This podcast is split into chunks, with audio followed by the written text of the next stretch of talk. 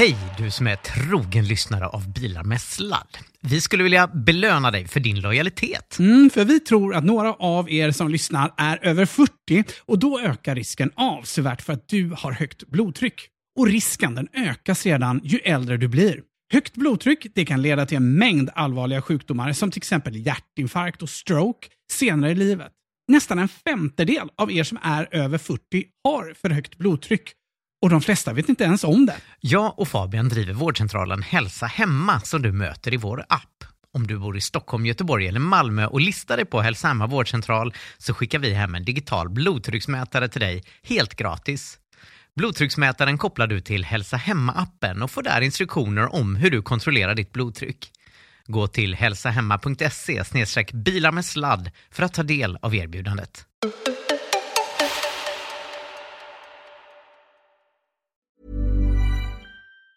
Mom deserves the best, and there's no better place to shop for Mother's Day than Whole Foods Market. They're your destination for unbeatable savings, from premium gifts to show-stopping flowers and irresistible desserts. Start by saving 33% with Prime on all body care and candles. Then get a 15-stem bunch of tulips for just $9.99 each with Prime. Round out Mom's menu with festive rosé, irresistible berry chantilly cake, and more special treats. Come celebrate Mother's Day at Whole Foods Market.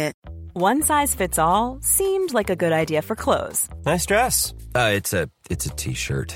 until you tried it on. Same goes for your healthcare.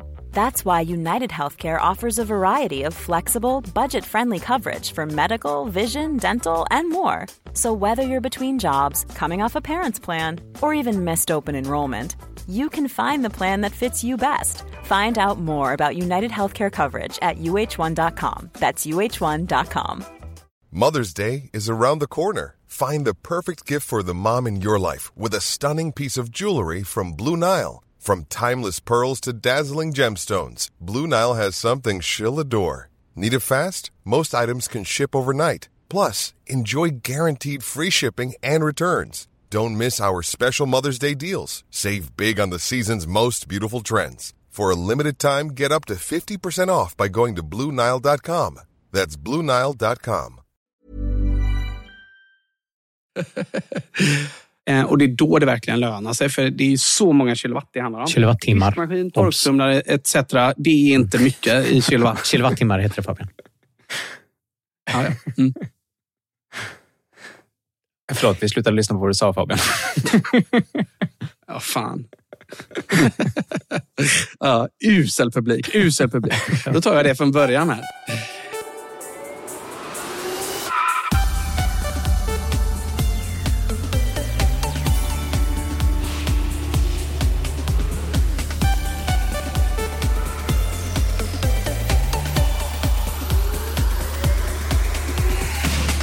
I veckans avsnitt klämmer vi på nya Model 3 Highland.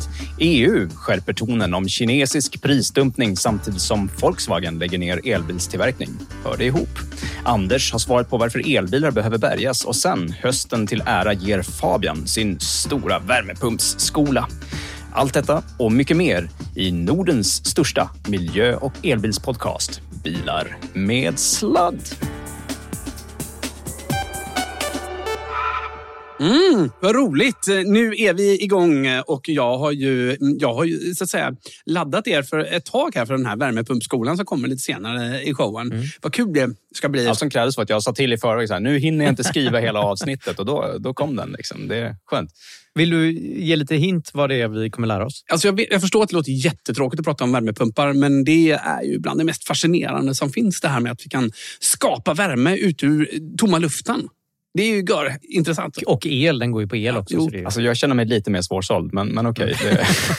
Men vi kommer till det. Men det är, det är bra tema för hösten här nu. Det börjar ju vara lite kallt och rått i alla fall här nere i Göteborg. Ja, ja, min värmepump hoppade igång här häromdagen. Mm. Liksom, Då den... kanske du kan få folk att bli lite sugna på att skaffa en eh, värmepump. Kanske som, folk som inte har det. Mm. Ja, jag tänker det. För Det, det Mm. går ju att sp- spara in den ganska snabbt om man eh, vrider rätt på rattarna. Det är väl det vi kommer lära oss. men, men finns det någon statistik på det? Hur, här är jag, statistikkillen. Mm. Liksom. Men hur, hur många är det som inte redan har värmepump? Liksom?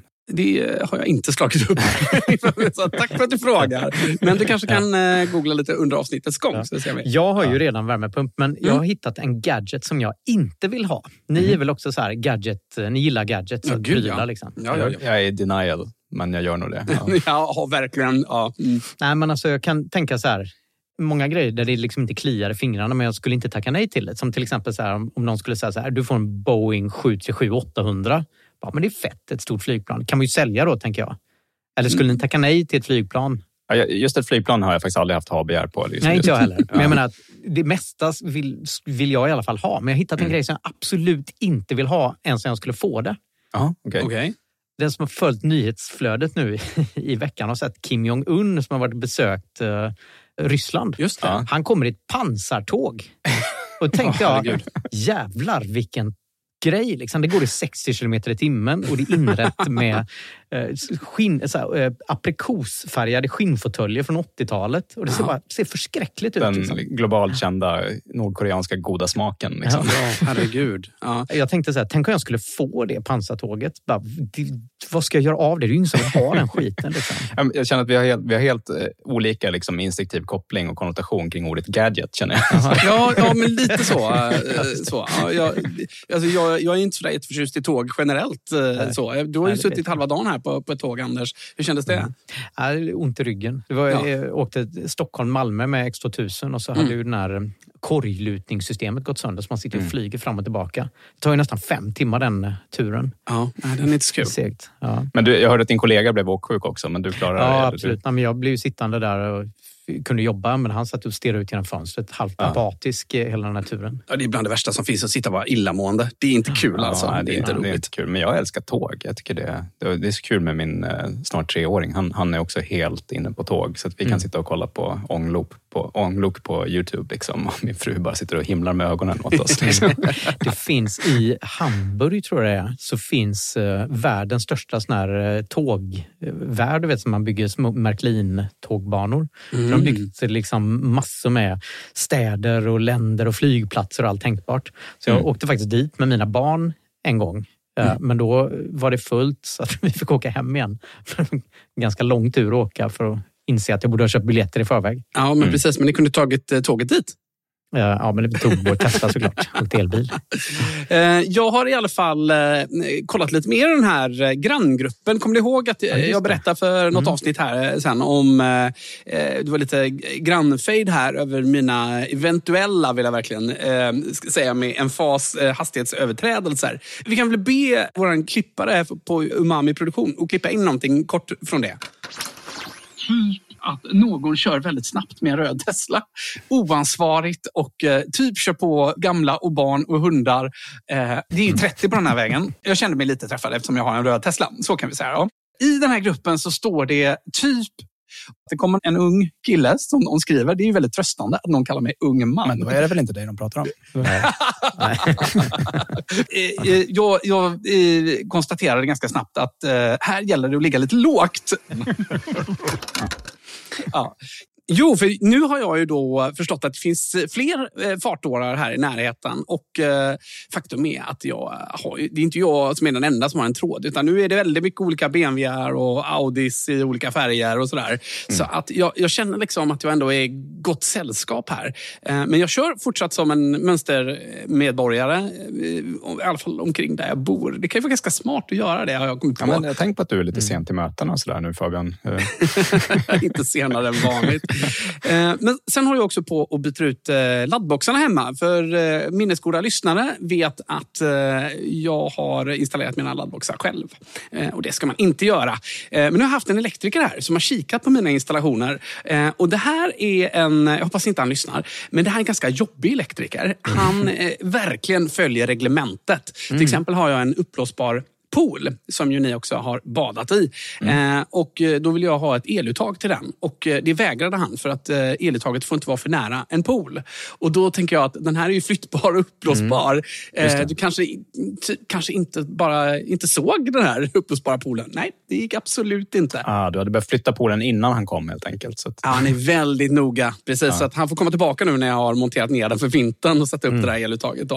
Eh, men han har i alla fall tittat på mina laddboxinstallationer och han konstaterar att Nej, men så farligt är det inte ändå. Ja, det ska vara lite jordfria sprutar och sådär. Där. Mm. Men Faktum är att i och med att jag har kopplat i en trefashandske, alltså ett trefasuttag, så är det liksom, eh, kan man fundera på om det inte är en fast elinstallation.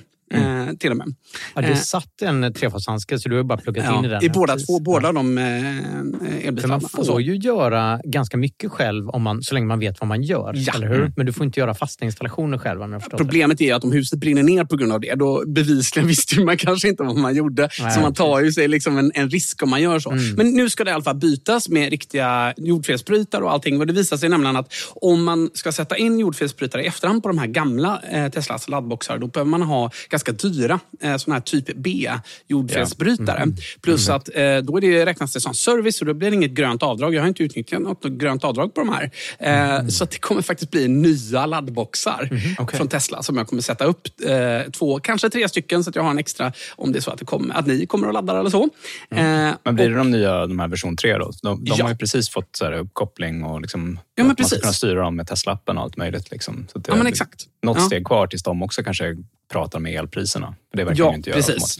Ja, det är det jag tänker också. Så då uppgraderar Mm. jag till dem, för det blir faktiskt billigare att göra så med grönt eh, rotavdrag. Eh, och det betyder att jag har två laddboxar över. Så är det någon som vill köpa dem för någon tusenlapp styck eller så, så är ni välkomna att höra av er. Mhm. Jag har också en efterlysning, när vi ändå är Mm. på efterlysningsspåret där. För min dotter fyller, hon som sjöng för övrigt den här fina Just det. Toyota-sången där. Agnes. Hon fyller 15 nästa år och nu har hon börjat prata om eh, EPA. Eh, Alltså A-traktor menar jag heter numera. Just det. Bytte Mm. namn på 60-talet. Eh, Men det, Det sitter vi- i där man säger EPA-traktor. Ja, det, det kallas ju verkligen EPA i våra mina hoods Ja. också, där de kör som tusan med sina A-traktorer. Ja. Men jag vill ju gärna ha en elbil och det vill faktiskt hon också ha, en el-EPA. Men det är inte så lätt som man kan tänkas tro. Så min plan som jag har, som jag väldigt gärna skulle få gjort, det är att importera en IMIEV. Jag har sålt den vi hade. Men importera en IMIEV från Norge och eh, bygga om den till en A-traktor. Och Det är lite småsaker som är lite lurigt där. Man behöver kunna ha en dragkrok som får dra ett ton om jag har förstått det rätt. Och, eh, men i övrigt... Och så, så är det Ska du inte ha ett symboliskt flak där bak också? Det får bara vara Jag tror inte man behöver ha ett flak faktiskt. Nej. Eh, Utan eh, det var nog tidigare regler. Det var Så tidigare så. Ja, Ja. Man ser ju dem ibland fortfarande att de har någon, så här liten, alltså någon liten hylla bak på som går ställa en väska i. Liksom. Ja, nej, men jag tror inte man behöver det numera. Nej. Men däremot är det lite annat sådär. att Den ska vara strypt och så, så den inte går fortare än 30 eller vad det är. Ja. Så, men jag skulle behöva få tag på en besiktningsingenjör som skulle tycka det var ett kul projekt och hjälpa mig att uh, snickra ihop en el-EPA och få den godkänd Mm. och baxa det genom besiktningen. Vad Det är ju, spännande. alltså, det är ju, om man kollar på andrahandsmarknaden på vad det kostar att köpa A-traktorer så är det ju verkligen så här, de går ju svindyrt. Alltså man kan ju tjäna pengar på att köpa en gammal Ja. Volvo och bygga om Mm. den till A-traktor och sen sälja den. Liksom. Så det kanske kan vara en ganska bra andrahandsmarknad för el-epor. Liksom. Ja, men exakt. Ja, precis. Och var det inte du, Alfred, som föreslog att eh, Tesla och andra elbilstillverkare kanske kan införa en sån här fartbegränsningsknapp i appen eller så? Jo, och så tänds det en sån liten eh, triangel eller någonting där bak. Man sätter en triangel där bak och då räknas den som EPA och så kan barnen köra med den. får väl Anders eh, besiktningsingenjör sen då komma tillbaka till oss om, om vad, vad som krävs för ändringar i regelverket. För jag misstänker att det Ja. liksom inte räcker ännu. Men det blir Nej, skönt. det- Då, kan ju du säga så här, min besiktningsingenjör kan du Ja, säga sen. det. Då. Ja. Den sved verkar det som när vi pratar Ja, om den. Nej, jag, jag bara njuter av den, att jag har så många. men hörni, ska ni fråga hur det är med mig eller? Ja, hur är det med dig? Du skriver inte bara böcker, du, du har eh, läst Ja, böcker till också. skillnad från dig Fabian så har jag läst en bok. Nej, men jag, jag, jag, jag tog på mig det. Jag kände att om det är någon som ska... Det har ju kommit en rejält saftig biografi om Elon Musk sen vi spelade in förra avsnittet. Just det, Eh, men det är ju Walter Isaacson. Har han uppdaterat den gamla eller vad är det som har hänt?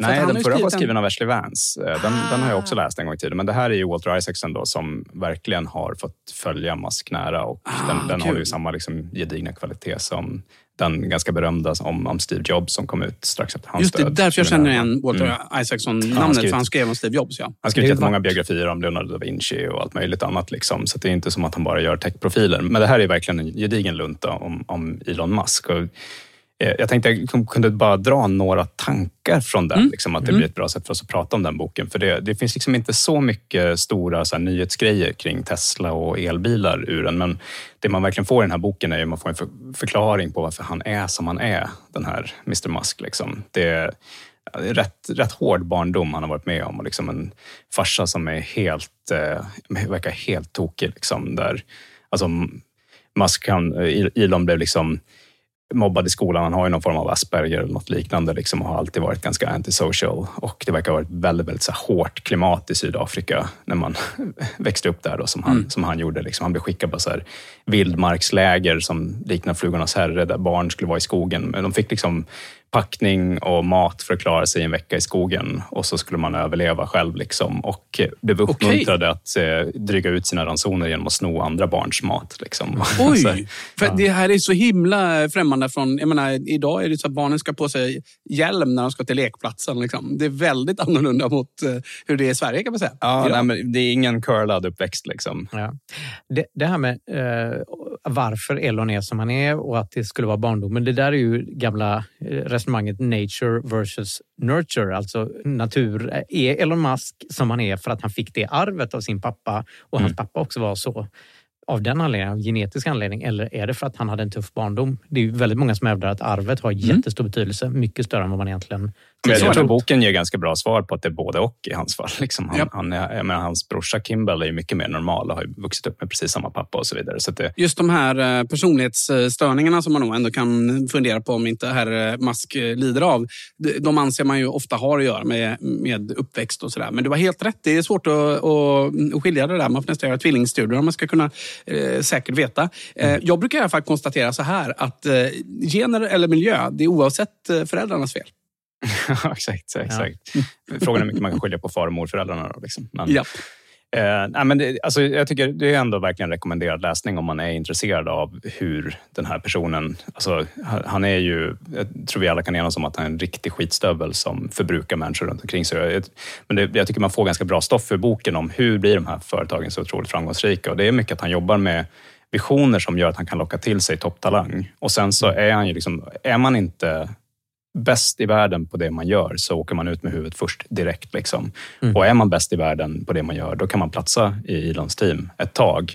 Men alla blir liksom utbrända och förbrukade och kommer så småningom att antingen vara tvungna att säga upp sig för att få ihop sin work-life balance eller till sist ändå åka ut med huvudet först. Men under den tiden som de ändå existerar runt honom så presterar de ju mer än vad de någonsin skulle kunna pressa sig till själva. Liksom. Så han, får ju, han kramar ju musten liksom, ur genierna runt omkring sig. Vi har haft en sån gäst här i programmet, faktiskt en tidigare logistikchef hos Tesla. Mm. Ja, exakt. Som numera driver Northvolt. Peter Ja, Karlsson. har vi nämnt det förut? Vi- Jag tror vi har nämnt det förut. Men han var ju med om precis det där, att han Ja. Mm. blev ju totalt utbränd. Jag bara Ja. undrar, hur är det att, att bli så körd i botten som, som arbetstagare? Jag kan inte riktigt föreställa mig vad, vad de går igenom. För att Nej, det- alltså, och det går inte att veta vad som är vad, men han har ju utvecklat en autoimmun sjukdom liksom, som man så här, mellan raderna kan Ja. utläsa handlar om arbetsbelastningen på Tesla. Liksom. Mm. Ja, det, det är jag inte säker på att man verkligen kan leda i bevis. Nej, det, det funkar kan så. man förmodligen inte. Liksom. Men, men så här, om, man, om man läser den här boken så, så ser man ju mönstret. Liksom, att det är så här han, han jobbar hela tiden. Liksom. Och det har väldigt mycket att göra också med alltså hur hård han är mot folk har väldigt mycket att göra med all abuse han fick stå ut med från, från sin farsa liksom, som barn. Men jag tänkte bara en sak till innan vi släpper boken och går vidare. Men det är rekommenderad läsning tycker jag för alla som är intresserade av det här.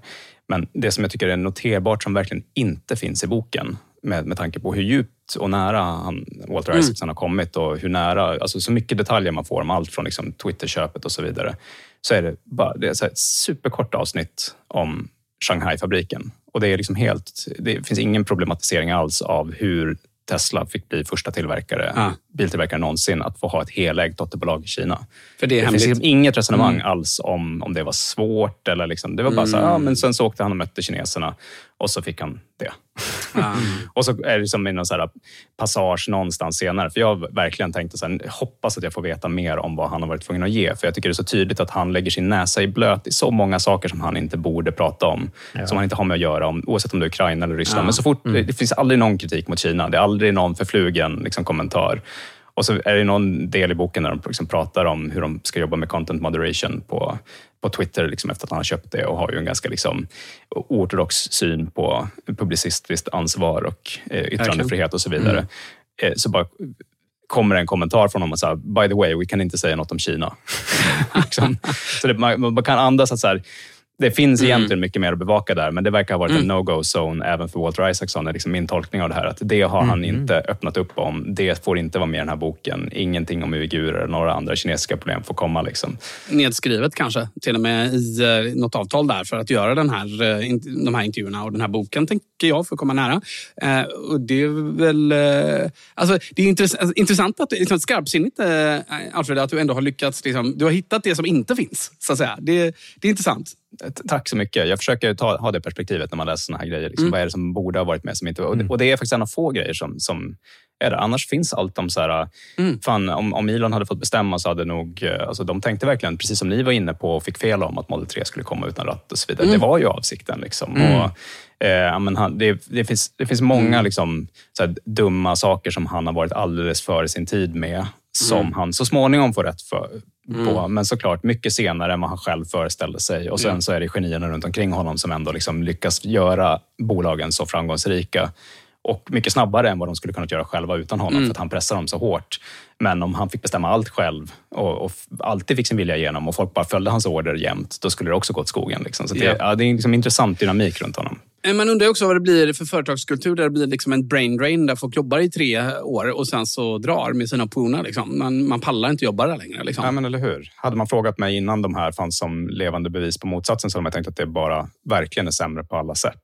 Ja, men, men- men, det är ju smått otroligt vad de har åstadkommit. Liksom. Och även hans värsta fiender kan ju liksom bara ta sig hatten och säga att han har gjort mer för liksom, alltså framsteg inom vetenskap och entreprenörskap och teknisk utveckling än vad någon annan har gjort liksom, på de senaste 30-40 åren. Liksom. Så att det, you gotta give it to him. Liksom. Men fy fan vilken skitstövel han är. Alltså. Det här måste handla om de som är närmast honom då, för att det är rätt många som jobbar i organisationen som har jobbat där länge. Jag tänker jag har följt mycket SpaceX och deras raketuppskjutningar och det är en del folk som är med i de där videosnuttarna som varit med i många, många, många år. Ja, jo, men, och det finns några exempel på folk som verkligen liksom har klarat sig ta sig igenom. Alltså Gwyn Shotwell som är COO på SpaceX och verkar liksom vara den som gör att bolaget håller ihop även när han liksom har sina outrages och går in i sitt demon-mode som eh, definieras i boken och förklaras liksom hur han, han typ blir sin pappa och eh, helt utan liksom någon som helst hänsyn till folk bara totalt kör över dem. Och så här, liksom, då- behöver det finnas folk runt omkring honom som kan liksom lappa ihop eh, resterna och ändå liksom, eh, ja, omvandla det till positiv energi. Liksom. Och Hon är ju ett bra exempel på det och det finns ju några sådana, Drew Bagliner på Tesla och så vidare. Men det, de drar ju ett tungt lass, liksom, så det gäller ju att de är också rätt speciella individer för att klara det och, och stå Ja. ut år efter år. Liksom. Ja, och om det är någon av eh, våra lyssnare som eh, har upplever att Elon har kört med er så kan ni göra som Andrei Fasakas och skriva till oss. Allt fler så kallade vanliga människor vill ge sig ut i internetvärlden. Stand by to receive our transmission. You've got mail. Ja, Andrei Fasakas har skrivit så här. Hej! Har lyssnat på alla avsnitt av er roliga och lärorika podd. Och där stannar vi som vanligt och super in eh, berömmet. och det är inte bara smörjmedel för att komma med. Och sen en sån här gubbe som blinkar med ena ögat och andra ögat öppet och tungt. Ja, ni kan möjligtvis inte grotta ner er i nya Fisker Ocean och dess mjukvara.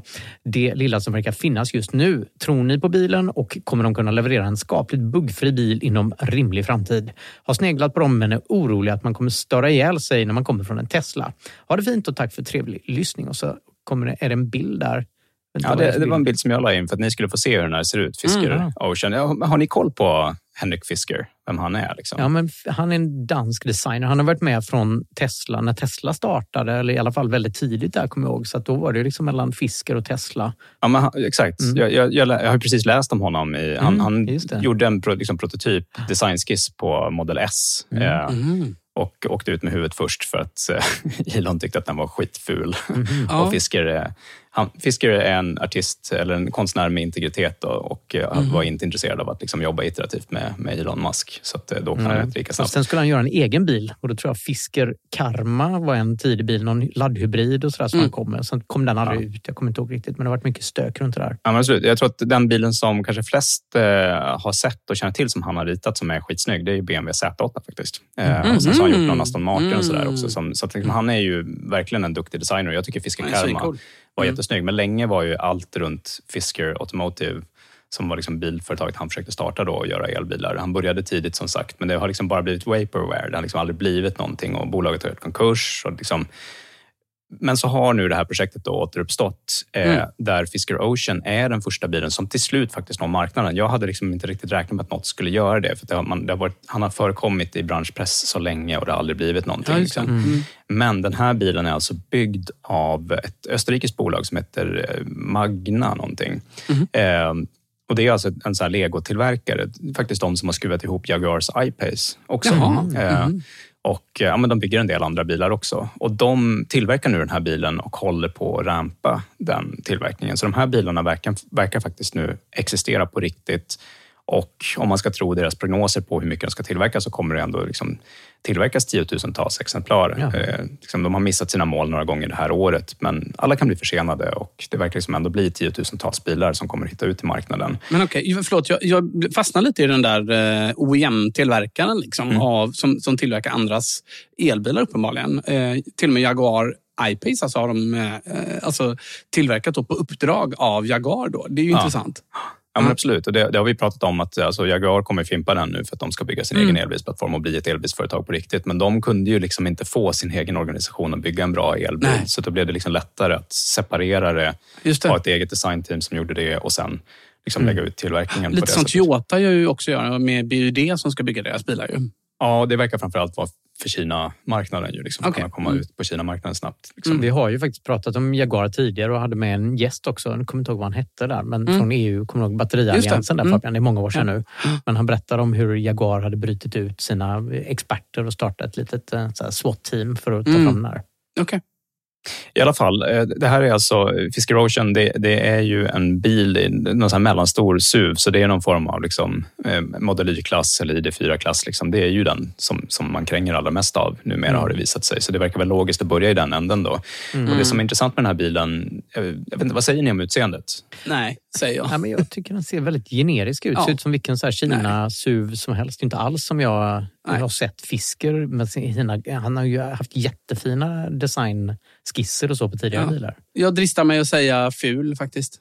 Den är, den är ju liksom feg på ett sätt som man inte hade förväntat sig från honom. Det- det- Sorry Andrei, så brevskrivaren Ja, här. Ja, han har väl sina ögon på den här kan jag Men tänka men- Karma var ju mycket snyggare. Liksom. Mm. Och, och, ja, men det finns ju andra bilar som den här herren uppenbarligen har ritat som har blivit skitsnygga. Liksom. Så Mm. det, det, Ja. det är lite tråkigt att den som till slut blir verklighet då är feg. Och jag vet inte om det bara liksom är någon form av tyngdlag som gör att, att det blir så. Men det som är intressant med den ändå, är att den är väldigt konkurrenskraftigt prissatt. Så att om man Mm. kollar på bilar, då ska man nog ändå titta på specifikationerna. Sen är det väldigt svåra att få lyckas provköra en sån här bil innan man bestämmer sig för vad man ska köpa. För den finns ju väldigt få exemplar hittills, så jag vet inte ens om det finns någon svenskt återförsäljarled. Men- Skulle det kunna vara lite som BUD där? Att det liksom är egentligen eh, det här bolaget som bygger de här bilarna som egentligen har liksom ritat den här och att det hela blir ganska mycket en kompromiss för att få ut en bil snabbt. Skulle det kunna vara så?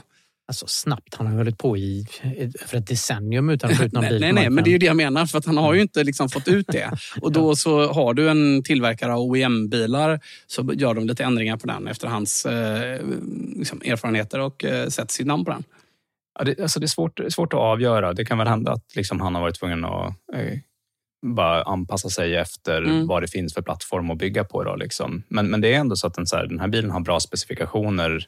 450 000 någonstans ska den starta för den billigaste utförandet och då är det ändå 44 mils liksom, VLTP-räckvidd. Och sen så, Mm. finns det i tre varianter. Så det finns en 60, 61 mils VLTP-räckvidd. Då är den också fyrhjulsdriven och har ändå 540 hästkrafter. Ska ha. Då, då ska man pröjsa någonstans 600, 615 000 kronor. Och sen så ska det finnas en toppmodell då, som har hela 71 mils VLTP-räckvidd och Mm. eh, också då väldigt snabb acceleration 0 till 100 under fyra sekunder. Eh, Men då, då. då kommer den kosta någonstans 755 000. Mm. Liksom. Så då är man ju uppe och, och konkurrerar med betydligt dyrare bilar. Och tittar man på insidan av mjukvara som, som det ändå är det And- Andrei frågar efter. Så jag, jag har inte lyckats liksom nosa upp om det är buggfritt på något sätt. Men det är ändå så att det, det, det finns lite en frisk fläkt av liksom nya tankar kring hur gränssnitt och sånt ska fungera. Det är ju, vilket numera får sägas är någon form av standard med en stor skärm i mitten. Eh, skärmen är stående när man kör med bilen och sen precis som BUD också faktiskt har som funktion så går det att tilta den där skärmen. Så att när man Mm. står stilla och laddar och väntar på den då kan man ställa om den i någon form av Hollywood mode som man kallar det. Okej. Så kan man liksom kolla på widescreen eh, underhållning liksom, medan man sitter och väntar. Eh, och det finns liksom en del andra smarta finesser och liksom sånt i den här bilen. Så det verkar ju ändå som att de, de har tänkt i utvecklingen på vad man vill ha. Det är inte bara som när liksom, Citroën också gör en elbil, att det liksom blir, blir minsta möjliga och, att man kan se legacy av bensinbil liksom, i, mm. i underhållssystem och annat. Utan här verkar de ha tänkt nytt. Men, men den finns i lite få exemplar och jag har inte hittat... Liksom, jag, jag tror att Youtube kommer nog kunna svara bättre på om, om det här är buggfritt. Men, men mm. jag har, i de provkörningar jag har hunnit se och konsumera så har jag liksom inte kunnat utröna om, om, om den här håller måttet. Liksom. Men inte frågan lite prematurt ställd liksom, om mjukvaran är buggfri? Om, alltså, det är ju en bil som knappt existerar ännu. Det, den har väl andra problem. Så kan det vara. Hitta mm. någon försäljare. Ja, men den, den ändå byggd i tusentals exemplar nu. De mm, rampar okay. snabbt. Så de har mm. liksom, okay. Deras mål var att de skulle komma upp i drygt 20 000 eh, byggda bilar i år, tror jag. Och det verkar som att de har svårt att, att hålla det målet. Men, men det är ändå liksom nära att de kommer göra det. Mm. Och det betyder att nästa år kommer det nog börja finnas tiotusentals exemplar av de här. Så de, de kommer nog dyka upp. Liksom. Och det är väl så att eh, ska man få den så behöver man ställa sig i någon form av kö på den ganska snart. Liksom, och då vill man väl veta. Så jag, jag tycker att det, det, är nog bra timing på andra mm. men, men det är svårt att veta helt enkelt ännu. Eh, och eh, om du som lyssnar vet eller har erfarenhet eller har hunnit testa, hör gärna av dig så, så mm. kan vi gärna rapportera vidare. Eller om du företräder fiskar så kan vi ja, provköra den. Ja, men absolut. Ja. Det gör vi såklart gärna också. Hur är det med dig själv, Alfred? Om, skulle du vilja ha den här bilen, du som ändå har koll på den? Nej, jag tycker den är ful. ja, men om du fick den, om du fick den gratis? Ja, just det. Jag fick den, absolut. Och du var tvungen att ta Kim Jong-Uns pansartåg också. Bara om jag också får hans frisyr. Ska vi gå vidare till Albins Vi har flera lyssnarbrev, hörni. Och då skriver Albin. Hej och tack för en kanonpodd. Jag kommer inom någon månad flytta från lägenhet in i ett hus med solceller. Min sambo har sagt att jag får välja vilket elavtal som helst, men att hon inte kommer att anpassa sig det minsta efter priset. Och det har hon varit väldigt tydlig med, skriver han. Eh, och hans tanke har här varit att eh, köra Tibber eh, för transparensen och möjligheten att spara ström när det är höga priser. Men frågan är om det verkligen lönar sig ändå. För att eh, hon kommer ju köra diskmaskinen, torktumlaren eh, med mera där när priset är som högst ändå. Eh, han skriver också att de har inte någon elbil. Det kommer bli nästa inköp och ja, då är frågan om det här är värt egentligen att elprisoptimera om man inte kommer att optimera på elpris. Får jag svara? Jag har gjort ett ofrivilligt experiment ja, på det här. Ja. Jag tänker jag det. bredde ut mig så mycket på förra frågan också. Men, men Ingen fara. Faktum är ju att eh, vi har alltså två elmätare, två mm. olika abonnemang. Ett i garaget och ett i huset. Det ska då alltid vara värst. Ja, eller hur? eh, och sen så eh, trodde jag att jag hade timpriser i garaget där det verkligen lönar sig med elbilar. Och så mm. trodde jag att jag hade inte timpriser inne i huset där det inte skulle löna sig eftersom Jaha. jag har vår mesta förbrukning.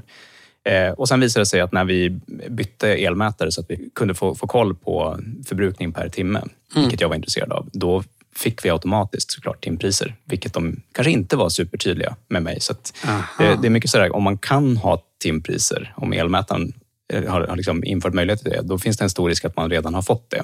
Mm. Och eh, det, det, för mig, när jag kollade noggrant på det där datat, så var det tydligt att så fort man har en elbil, då är det en no-brainer att man ja. tjänar pengar på det här. Ja. För då mm. ställer man om den och laddar på natten och man kommer få billigare priser på det. Och det kommer vara en, den största förbrukaren. Liksom. Så det, det, kommer verkligen att mm. löna sig att så fort man har det, ha timpriser. Innan dess så är det inte säkert. Förmodligen kommer man kanske inte tjäna på det om man är ett helt normalt hushåll. Liksom. Även om man skulle lägga förbrukningen nattetid av eh, diskmaskin? Och så. Ja, men man får jobba väldigt hårt för att flytta runt de där och de är ju mm. ganska små de där förbrukarna så fort man liksom jämför med hur stor roll det spelar ja, med elbil. Men så han säger ju ingenting om hur huset värms här. Nej, men exakt. Eh, så så det, vi kommer ju prata mer om värmepump. Där, där, får du gärna ta vid Fabian, för det är verkligen så här, det är ja. värmepumpen som är den stora förbrukaren ja. om man inte har en elbil. Vi kommer prata eh, i detalj om hur eh, man ska elprisoptimera och eh, fördelar och nackdelar med att göra det mot en värmepump i dagens avsnitt. Så det kommer vi till. Men det, annars är det precis som du säger Alfred. Det är elbilen som är den stora vinnaren här. Eller ja, du, din plånbok är den stora vinnaren om du har en elbil och kör rörligt elpris då, på timavtal. Eh, diskmaskin, torktumlare och så, eh, strykjärn etc. Det är så lite så det gör inte så stor skillnad. Men däremot kan värmen och värmepumpen göra skillnad och det kommer vi prata om i detalj i dagens avsnitt. Ju. Mm. Men är det ingen som, eh, liksom, eh, det här att hans fru vägrar anpassa sig efter Ja, priset? Alltså, jag tänkte också på det. herregud. Jag, Ja. kan inte han säga då så här, men jag vägrar anpassa mig efter var toaletten ligger och bara kissa eh, där jag känner för det. igen. Vad är det för jämförelse? ja. Alltså, Ja, du är en mästare ja. på dåliga liknelser, Anders. Okej, Ja, den var svag. Ja, den var svag, jag håller med. Mm. Ja, men för, bara för att sätta det i alltså elbilen, kan, då kan det skilja tusen lappar på Ja. att flytta Ja. laddningen till natten. Liksom. Med eh, värmepumpen så kan det skilja hundralappar. Eh, mm. Med diskmaskin och tv och sånt där, då handlar det ju om tio år hit eller dit. Liksom. Ja, Så men med värmepumpen kan det nog vara tusenlappar ändå. Det, det skulle det kunna vara mycket väl. de kallaste månaderna. Liksom. Mm, och sen så är det precis, många exakt. månader det inte spelar någon roll Ja, alls. Liksom. Uppvärmningen står för en ganska betydande kostnad, det ska man inte se bort. Ja, Alltså. absolut. Det beror på lite hur huset. tror jag. Han skriver ju ingenting om att värma upp det. Men det han skriver är ju att han har solceller också. Och Det är ju också en aspekt här. Så att om det är så att han ska sälja för timpris samtidigt så, så blir ekvationen ändå lite svårare. Och det blir lite svårare att svara på. För det beror lite på hur mycket sol det är och så. Så mitt tips här då, om vi ska summera. Eh, det är att han köper en eh, elmätare som han, han kan mäta eh, och få bra grafer på timme för timme. Hur mycket hushållet förbrukar och hur mycket man säljer och sådär. Och det, Tibber har ju en sån där som man kan plugga in, men då måste du nog ha Tibber-abonnemang för att den ska funka. Ja, Greenly är mycket bättre i det sammanhanget. Ju. Det, Ja. det är ju verkligen, de, har en app som man behöver inte alls köpa el med dem för att Nej. få koll. Men, men som sagt, om du ska få koll, även med Greenly, då, Mm. så måste man ju ha timmätning. Och har man timmätning så har man förmodligen redan fått timdebitering. Liksom. Det verkar, ja. Jag tror att det är ganska vanligt. Att Ja, det finns så. sådana som du kan koppla. Jag har en sån som man kan ko- en Vatty. Eh, Vatty heter de. Man kan koppla dem på, um, på, på, liksom, på inkommande el och så mäter de på faserna. Då. De finns ju Eh, inte kvar längre, Watt- Watty tyvärr, så jag tror de är svåra att, Asså. komma över. Men det så finns det säkert så? andra devices som kan Ah, göra något ja. liknande. Men det är, jag har ju lagt eh, uppvärmning av varmvatten, för det är ju en jättestor... eh, Det pratar man inte så ofta om. Man pratar mycket om eh, hushålls, eh, liksom uppvärmningen av huset. Ja, det är såklart inte- 5-10 procent ungefär brukar man räkna att det är av den totala uppvärmningskostnaden brukar man räkna med är Varmvatten. Ja. Men det beror på hur många man är i hushållet. Så också. Vi, vi är fem i huset Mm. och en hund och en hamster. Eh, Och de ska tvättas också. Ja. Ja. Ja. Nej, men att, för du har lagt så här att den startar typ klockan ett på natten, Ja, uppvärmningen av exakt. varmvattnet. Mm. Och så värmer den till 60 grader och sen får den, så här, vid sex på morgonen så får den inte värma mer. Och det det håller hela dagen sen. Ja, det gör det. Mm, har man en stor tank. Men vi kommer prata eh, som sagt mer Ja, om det alldeles snart. Hur smart det är att göra så. För det finns lite komplicerande aspekter av det. Ja, men så vad är stay svaret? tuned för det. Jo, men alltså, svaret är att skaffa dig kunskap, eh, skulle jag säga. Ja, men det var ju skaffa... därför han skrev till oss. Ja, men, nej, men vänta. Skaffa dig kunskap om hur huset Aha, funkar. förlåt. genom att sätta någon slags elmätning så att du får timme för timme. Så att du kan titta och så låt det gå liksom en eh, säsong eh, så att du ser sommar och vinter här nu. Eh, och så kan han eh, kika där och se om det är värt det. Hörrni, europeiska tullar på kinesiska elbilar. Vanligaste anledningen till att elbilar behöver bärgas. Brinnande elbilar, vårt intryck av Tesla Model 3 Highland och att Volkswagen ska stänga en elbilsfabrik. Det får du efter detta. Och värmepumpskolan, hörni. Värmepumpskolan! Mom deserves the best, and there's no better place to shop for Mother's Day than Whole Foods Market. They're your destination for unbeatable savings, from premium gifts to show-stopping flowers and irresistible desserts. Start by saving 33% with Prime on all body care and candles. Then get a 15-stem bunch of tulips for just $9.99 each with Prime. Round out Mom's menu with festive rosé, irresistible berry chantilly cake, and more special treats. Come celebrate Mother's Day at Whole Foods Market. Many of us have those stubborn pounds that seem impossible to lose, no matter how good we eat or how hard we work out. My solution is PlushCare. PlushCare is a leading telehealth provider with doctors who are there for you day and night to partner with you in your weight loss journey. They can prescribe FDA-approved weight loss medications like Wagovi and Zepbound for those who qualify. Plus, they accept most insurance plans. To get started, visit plushcare.com slash weight loss. That's plushcare.com slash weight loss.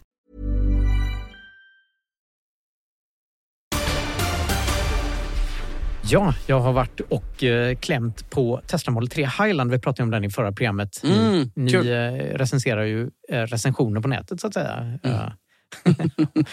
Men, men nu vet du fakta här. nu vet jag För faktiskt. du har kört först, den alltså? i- först i Sverige. Jag har inte fått Mm. köra den, men jag har varit Nej. och klämt och känt på den. Nej, kul. Och vi kan väl lyssna på hur det lät. Mm. Tesla släpper nu en efterlängtad uppdatering av deras folkelbil, Tesla Model 3. Och vi i Nordens största teknologipodcast Bilar med sladd var faktiskt först i Sverige med att få känna och klämma på den. Har åkt ut till Segeltorp i södra Stockholm för att provsitta nya Model 3 Highland. Och eftersom vi i podden har blivit kritiserade emellanåt att vi är för Tesla-fokuserade så har jag tagit med mig en lyssnare som ska få ge sitt omdöme av den här bilen. Hej Jonas! Hej Anders! Du kör inte Tesla idag, eller hur? Nej, det gör jag inte. Jag kör en Golf från 2010. Vad är första intrycket av den här bilen? Om man jämför med tidigare Model 3 så känns den eh, fräschare, lite, mer, lite lyxigare skulle jag nog säga. I bilen så känns det som att de har lagt mer pengar på insidan på något sätt. På utsidan då är det väl mest fronten som jag kan se en skillnad på, som jag tycker absolut är snyggare. Highland-uppdateringen är en klassisk så kallad facelift. En uppdatering av en bilmodell som brukar komma ungefär i mitten av bilens livscykel. Tesla Model 3 har redan funnits i sju år och det är verkligen dags för en uppdatering. Exteriört är det små men betydelsefulla uppgraderingar. Jag tycker själv att fronten är snyggare. Tidigare hade Model 3 ett lätt drag av groda, men det är borta nu. Och bak till har den fått mindre designuppdateringar. Men den stora skillnaden är faktiskt invändigt. Nu sätter jag mig i bilen här ska vi lyssna hur det låter när man stänger dörren. Ja men äh, absolut, mer premium och allting känns bättre i den här bilen. Högre kvalitet. Ratten har blinkers på samma sätt som nya Tesla Model S och X. Ratten är ganska annorlunda faktiskt i sin design. Vad är verdict eh, Jonas jämfört med gamla Model 3? Har du någon känsla? Men absolut en förbättring. Det känns som att jag är lite mer imponerande än vad du är. Måste jag säga. ja, men skulle du säga att det är värt enormt mycket pressuppmärksamhet den här uppdateringen? Nej, det får jag väl kanske hålla med dig om att det är, det är att ta i. Att, att det här skulle vara någon, någon super, supergrej liksom. För Tesla är det förstås stort, men eh, för de allra flesta så ser man nog inte skillnad på den här bilen annat än invändigt för här är det en rejäl uppdatering. Jag vet att Tesla har jobbat hårt med den här uppdateringen och det är definitivt en mycket högre premiumkänsla i den här bilen än i tidigare Model 3-or. Det låter som ett kassaskåp när man stänger dörrarna och materialen i kupén känns riktigt bra. Tesla har sedan de började varit bättre än alla andra på att bygga elmotorer, batterier och mjukvara. Men handen på hjärtat så har många av konkurrenterna varit bättre än Tesla på att bygga bilar. Teslas bilar har rostat, skallrat och känts plastiga. Men med Tesla Model 3 Highland är det slut på det. Mindre plast, mer filt och dubbla glas i alla rutorna för att minska bullret. Den har ventilerade säten, en extra skärm i baksätet för att baksätespassagerarna ska kunna kolla Netflix under resan och en tjusig LED-lampa som böjer sig runt kupén invändigt. För att se skillnaden utvändigt behöver man vara Tesla-kännare. Jag var ju lite osäker på vad det var för skillnad, men att den känns snyggare. Du berättar ju att eh, baklyktorna är lite annorlunda. Och det ser jag nog när du, när du sa det. Så man får berätta för dig vad skillnaden är för att du ska lägga märke till Ja, men exakt. Är Tesla Model 3 Highland en uppdatering att skriva hem till mamma om? Nej, den är finare än tidigare. Några spakar har blivit knappar och det sitter en skärm i baksätet. Men den stora behållningen är att Tesla Model 3 nu inte längre bara är en elbil. Det är en bil. Och med ett väldigt offensivt pris kommer det bli än tuffare för Teslas konkurrenter.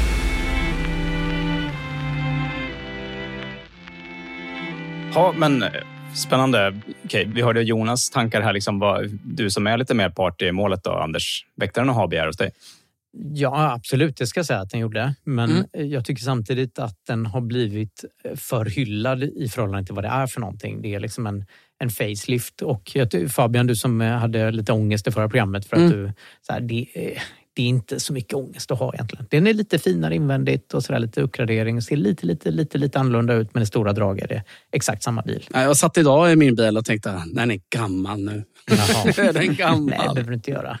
Men det är eh, materialmässigt, kvalitetsmässigt är det alldeles uppenbart en stor uppgradering och mm. Tesla drar ifrån. Alltså Tesla Model 3 var ju redan innan en pris, alltså med tanke på det prislappen så är mm. det svårt att motivera att köpa en annan bil. Mm. Utan det, det handlar lite om då i den Model 3 som vi alla tre har, den förra, förra varianten av Model 3. Mm. Så är lite så här, materialkvaliteten är lite si där och lite klonkljud när man stänger dörrar och så. Allt det där är åtgärdat här. Mm. Förutom handskfacket då, som vi hörde i inslaget som fortfarande är lite plastigt. Alla nya Highland är ju per definition hittills skruva, ihopskruvade i Kina, vilket vi liksom vet i Teslas mm. värld betyder bättre kvalitet ja. än de amerikanskbyggda. Då, liksom. Men, men eh, Sen så är det ju, man får tänka att det är också ett demoexemplar så de ser väl till att det inte är något som sitter snett på den. Liksom. Men, mm. Men, men okej, vad, vad liksom, för jag tycker att det, så här, det, det, för mig är det en ganska stor grej ändå att fronten ser mycket snyggare ut. Ja, att man fått bort ja, grodan och liksom mm. att, jag tycker också att eh, bak till att den är snyggare. Liksom. Mm, men, ja. men och det, inuti, det är stor skillnad hur den ser ut inuti. De har ju bytt eh, till andra stolar och eh, massa saker på inredningen. Ja, men jag tror de allra flesta som inte äger en sån här Tesla Model 3 skulle knappt se skillnad på... Man, det man fysiskt ser är tydligt är ju skärmen där bak. Mm. Den som inte finns på den andra 3. Men annars så får man titta noga. Men det är en liten valk där som Ja, finns det där. du säger här nu egentligen är att folk som inte kan något om bilar kan ingenting om bilar. Jo, men det är inte en så stor uppgradering. Liksom. Mm. Alltså, om, man, om man jämför Tesla Model X och S där skärmen, det är inredningen är helt annorlunda och skärmen är vänd åt andra hållet. och så där. Det är en Mm. jättestor skillnad. Det här är små... små ah, skit i det. Ska vi, vi har fler nyheter. vi kan väl gå vidare. Ja, men kul ändå. Okej, då går jag på nyhetsfloden istället. Jag har nämligen tagit med mig att EU har gett sig på att granska den här floden av kinesiska elbilar, till exempel då Tesla Model 3 som vi hörde, som byggs i Kina. Eh, Men även de andra som kommer in i Europa och de överväger faktiskt nu att införa nya tullar. Det Häromveckan så gick EU-kommissionens ordförande Ursula von der Leyen ut med ett hårt uttalande. Hon säger att vi är öppna för konkurrens, men inte ett race mot botten. Och bakgrunden är då att de har beslutat starta en granskning av hur de kinesiska subventionerna för sin egen elbilsindustri slår mot de europeiska tillverkarna. Idag är det nämligen så att EU har en tull på 10 procent på elbilar som importeras från Kina, vilket kan jämföras med USA som har 27 procent när man importerar från Kina. Och det har fått de kinesiska tillverkarna att primärt rikta in sig på Europa när de nu expanderar internationellt. Mm. Under första halvåret i år har Kina importerat över 350 000 bilar då in till EU. Och det är mer än vad de sålde under hela förra året. Så det är alltså, antyder att det kommer att bli mer än en fördubbling av den här eh, strömmen av elbilar från, från Kina. Och därför ska EU nu alltså granska hur de här subventionerna påverkar prisbilden för att säkerställa att det är rättvis konkurrens mellan europeiska tillverkare som kanske då inte får lika mycket subventioner som de kinesiska tillverkarna får. Får jag fråga där, vad är Kinas eh, tullar när europeiska biltillverkare exporterar till Kina? Ehm, det är en väldigt bra fråga. Den har, jag har inte svar på rak arm, men det har ju, man kan ju generellt säga att det finns en liksom ganska väl avvägd balans mellan tullarna eh, åt, åt olika håll. Eh, och eh, att när det så fort det blir en ändring så riskerar det att trigga en motreaktion. Att det riskerar att höjas tullar åt andra hållet. Men blir inte bara resultatet av alla de här tullarna att bilarna blir dyrare för slutkonsument och att eh, fler håller kvar i sina jävla fossil, fossilare? Jo, absolut. Det är ju verkligen eh, Är det inte avigsidan bättre av... att vi kommer med subventioner i så fall av europeiska elbilar? Eh, istället om man nu vill främja den egna produktionen av eh, elbilar. Det hade varit mycket bättre, tänker jag. Ja, det kan man, så kan man ju resonera. Eh, EU är i alla fall mån om att inte se en upprepning av vad som hände med solcellsindustrin där Europa Mm. låg ganska långt framme tidigt men sen blev utkonkurrerade av eh, billiga kinesiska solceller som även Mm. då i det fallet då subventionerades i Kina vilket har gjort att de sen har kunnat koppla greppet om hela världshandeln för att det är där solceller tillverkas nu helt enkelt och så har de kunnat sälja till alla andra sen. Så det är ju Mm. någon form av eh, prisdumpningsstrategi om man vill ha de liksom, ondsinta glasögonen på sig när man tolkar den kinesiska strategin kring hur de har fått det här. Mm. Jag kan säga att snabb googling här är, visar att det är 15 tull när eh, Kina importerar från EU eller när vi exporterar till Kina. Och så är det 10% i andra riktningen. Så det borde ju definitivt öka så att det är rättvist. Så att det är balans, ja absolut. Mm. Men sen så är det ju, jag menar, det, det finns ju många andra aspekter här också att väga in där liksom Europa har, till exempel när vi inför utsläppsrättshandel så har vi ju liksom tagit strategin att de eh, marknader som ligger utanför utsläppsrättshandeln Eh, där ska man kompensera att eh, företag där kan då liksom komma billigare undan som inte behöver köpa utsläppsrätter för sin tillverkning.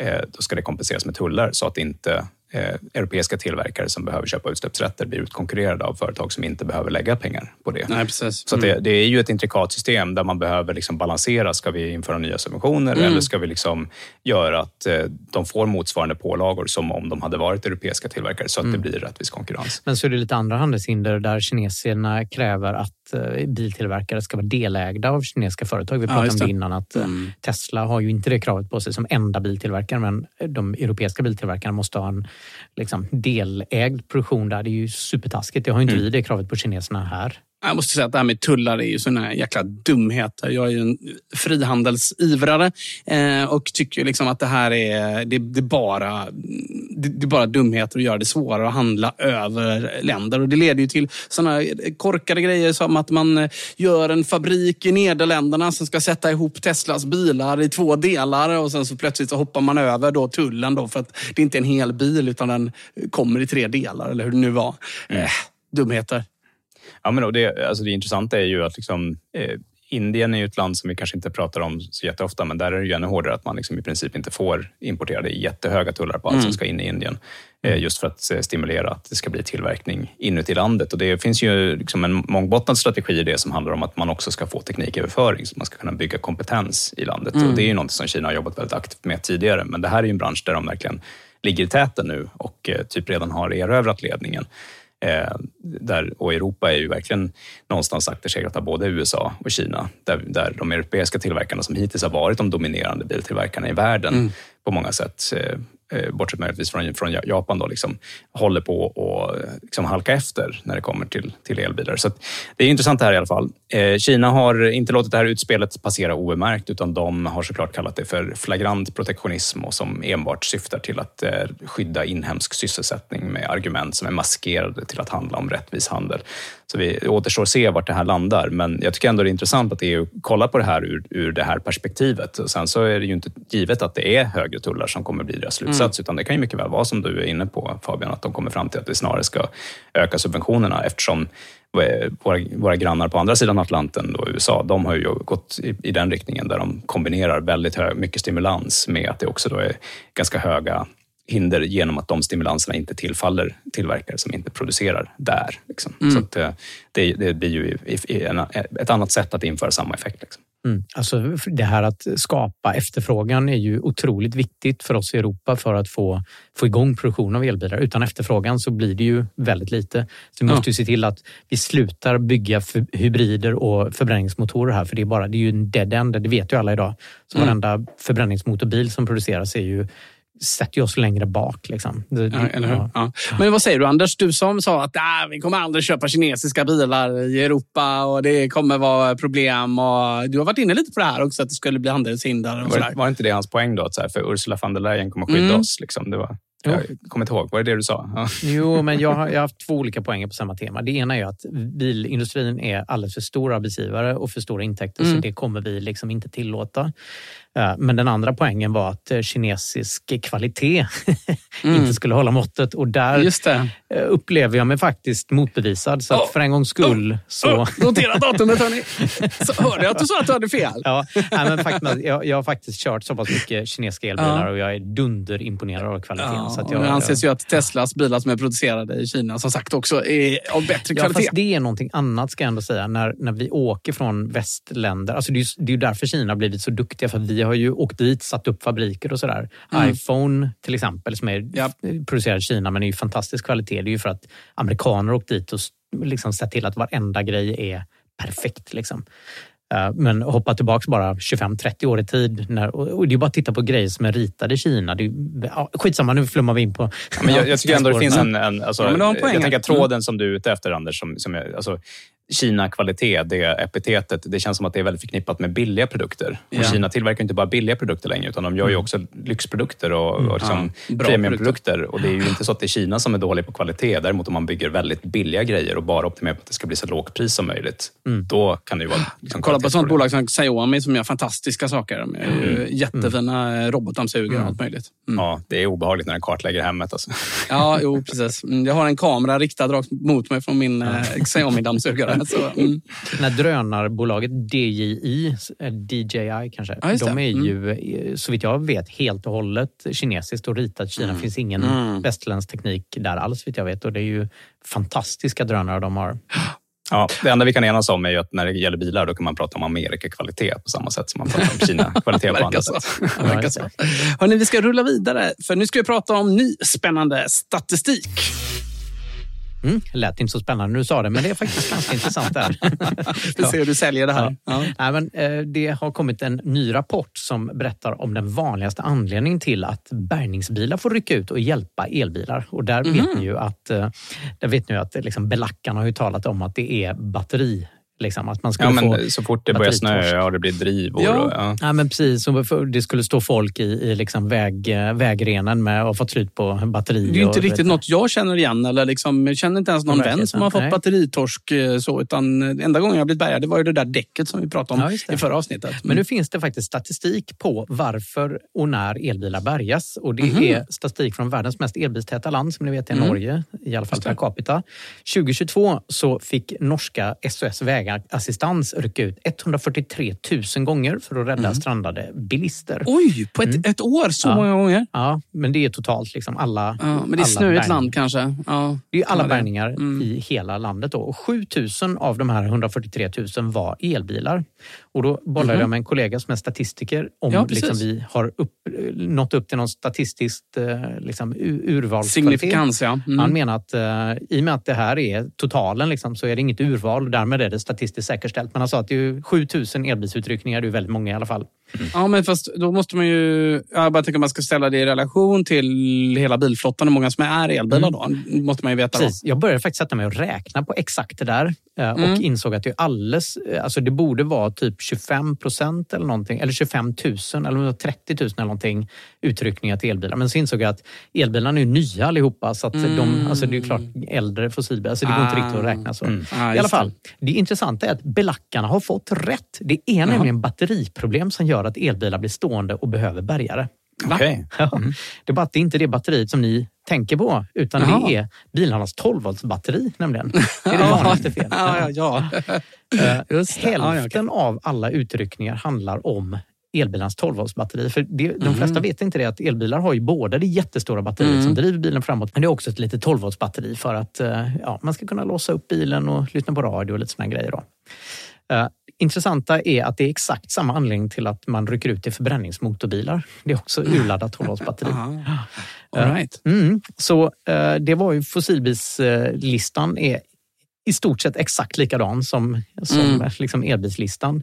Eh, Okej. Det är så att elproblem, nu vet ju inte, när de rycker ut då eh, för att eh, hjälpa en strandad elbilist Mm. så vet ju inte bärgningsgubben eller gumman vad felet var. De vet bara att här är ju fel på huvuddrivlinan, det går inte att få Ja, igång det. bilen. De felsöker ju inte det sen i slutändan, så det har vi inte Nej. statistik på då kanske. Nej. Så de har statistik på att det var någon sorts elfel eller drivlinefel som var så omfattande att de inte kunde starta det på plats utan fick bära det till verkstad.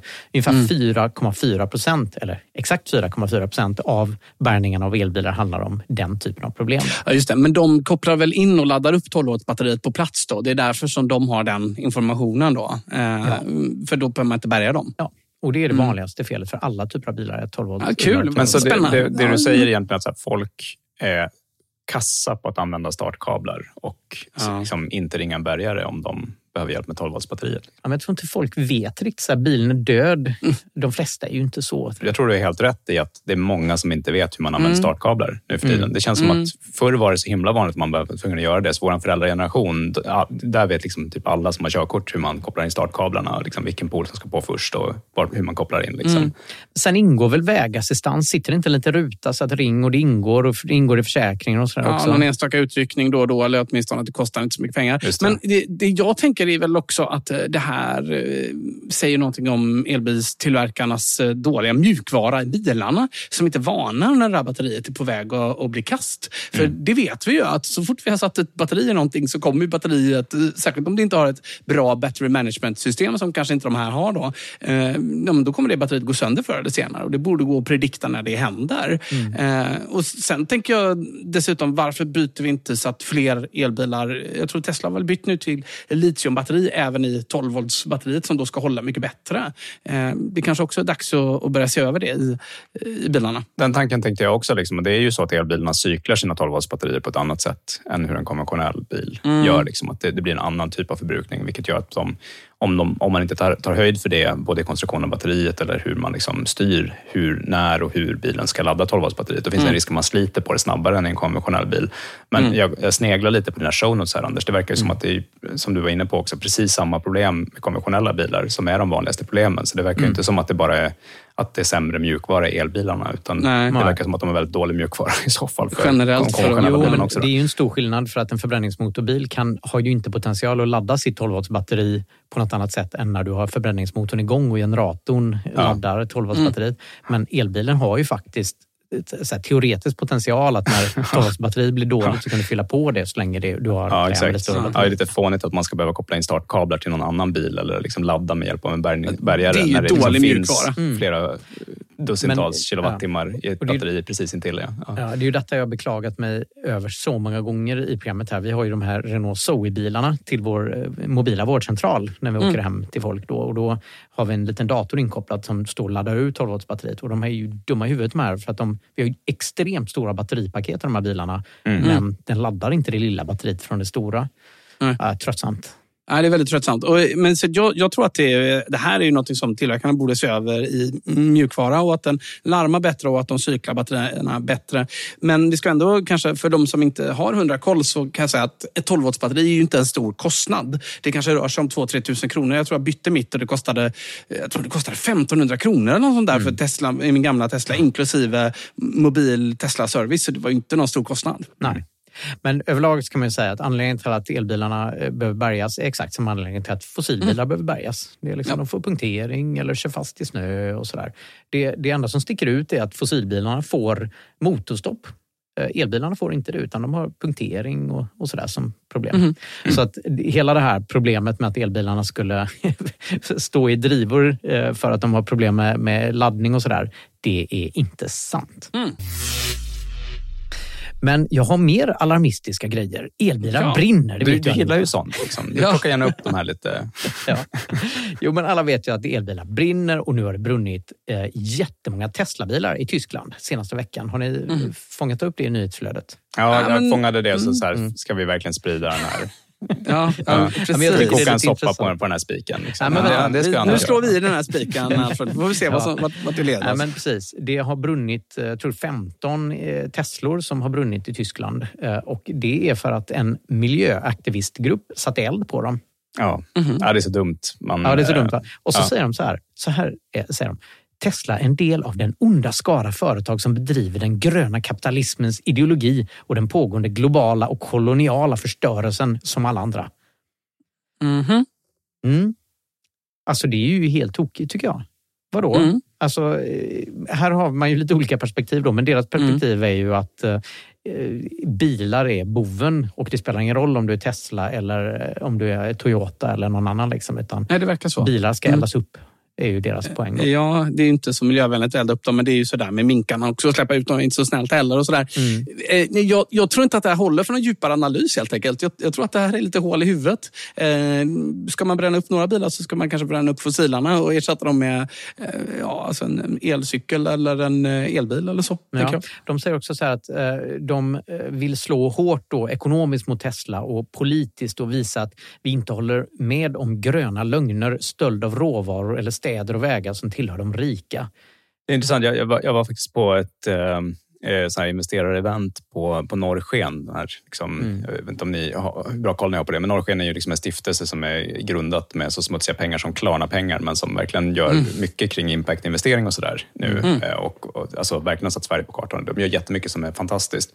Men det, det, blir- det blir ju liksom en, så här lätt en sån här jippostämning kring när alla ljusgröna som vi har satt som label på oss som tror att eh, liksom, eh, företagande och entreprenörskap kan vara en väg ur den annalkande miljökrisen som i Mm. allra högsta grad pår. Liksom. Och där, alltså, det, den här nyheten, om, man, om det ska finnas någon liksom, djupare och vinkel som går att analysera det, så är det just att så här, nu, det, det finns ju tecken på där det i allt högre grad blir så att liksom, mörkgröna krafter, då, liksom, som mer miljöaktivister som bara vill bromsa sig ur krisen och tycker att det handlar om att allt ska lösas genom livsstilsomställning. Mm. Eh, när de börjar attackera även de, de ljusgröna eh, och Mm. eh, liksom, verkligen ser ner på det, då, det är ju i sig problematiskt. Och, Mm. alltså det är någonting som jag efterlyser inom miljörörelsen generellt, att liksom få en ökad dialog mellan mörk, mörkgröna och ljusgröna. För jag tycker definitivt att ljusgröna kan också springa iväg i sin teknikoptimism ibland. Liksom. Att, det finns ju naturligtvis moderata krafter inom den mörkgröna rörelsen som är mycket mer resonabla än, just de här aktivisterna verkar vara. Mm. Liksom. Mm. Men det blir svårt att tänka på något annat sätt. Att, för mig är det så otroligt orealistiskt att man skulle få alla att sluta åka bilar så att man ens Ja. i deras beskrivning liksom, Mm. kan tjäna på att elda upp de elbilar som ändå finns. Ja, liksom. De kallar Tesla-förare och Tesla-köpare kallar dem för miljögrisar. Och jag Mm. funderar ju på, alltså, ni är ju då miljögrisar eftersom ni har elbil. Men Fabian är ju då ännu värre miljögris eftersom du dessutom har solpaneler på taket. Ja, jag tror inte de skulle resonera så. Men för, för Mm. det här tycker jag är jättespännande. Då, liksom så här. Problemet är att vi är väldigt många människor på jorden. Och om vi Mm. plötsligt så här, låt oss sluta och, och värma våra hus då med, med el. Liksom, så elda. Vad ska vi göra istället? Då? Elda skog? Mm. Och Nej, så men det, är ju, det är ju här analysen inte riktigt håller. Det är därför liknelsen med minkarna är inte helt dum. Liksom, för Mm. det, det är inte helt genomtänkt. Så det, eh, Alltså, det blir ju så mm. ibland om man är ung och eh, vill göra någonting och känner väldigt mycket kanske, tänker jag. Jag, lä- jag läste en bok om så här, eh, Energy and Civilization och så här, med så här, dju- djupa böcker. Liksom. Och det, är så här, det, det går att se i data på liksom, när man står inför ett paradigmskifte inom liksom, energi eh, och teknologi. Då använder man liksom mer av förra generationens energislag precis i början för att liksom, ta sig över tröskeln. Så man behöver Mm. extra mycket hästar när man börjar eh, gräva upp kol i kolgruvan. Mm. Liksom. Eh, Och sen vid nästa skifte så behöver man extra mycket kol för att liksom använda kolet till att liksom, eh, ta sig vidare till nästa energikälla. Då, liksom att, eh, Mm. in, när man börjar utvinna nästa energikälla så behöver man ju använda den gamla energikällan för att göra det jobbet också.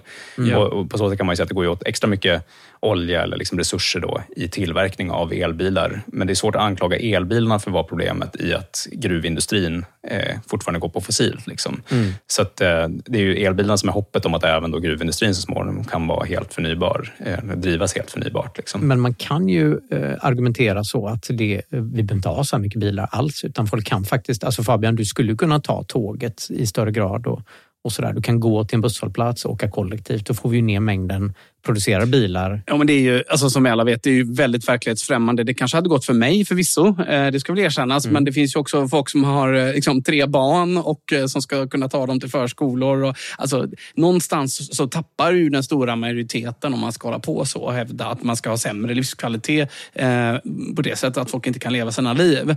Eh, så, så vi behöver ju hitta lösningar på detta. Liksom, och då kan teknik absolut vara en del av det. Och jag tror inte att vi behöver stå tillbaka särskilt mycket liksom, eh, BNP-tillväxt och sådär. Jag tror att vi kan, kan lösa tekniken tillsammans ändå. Mm. Om vi nu bara kan sluta och, liksom, ljusgröna och mörkgröna och bråkas och istället liksom, enas om att vi behöver göra någonting åt de här eh, problemen. Men jag skulle ju kunna ta barnen på bussen till, eh, till skolan. Och jag skulle kunna ta bussen och handla och sådär. Men det skulle vara världens... Liksom, det skulle inte alls vara behagligt. Och i, i, i och med att vi bor i en demokrati så skulle jag nog välja bort en, en liksom, politiker som kommer med det förslaget. Så att Mm. här har vi inte lite problemet där. Liksom, att det, det går inte i demokratier att föreslå Mm. sådana försämringar därför att folk kommer Nej. aldrig rösta fram det. Precis. Det är jättesvårt att gå bakåt i livskvalitet liksom, utan Ja. att förlora makten. Det har vi aldrig egentligen gjort innan i våra demokratier. Det- Så, så vi kan väl konstatera att eh, bränna elbilar är nog liksom fel sätt att ta oss eh, mot eh, ett renare klimat. Det tror jag. Ja, det var spännande att man behövde säga det. Ja. det, det, känns, det känns som det behövde sägas. Vi rullar vidare, för det har brunnit lite mer här eh, senaste två veckorna.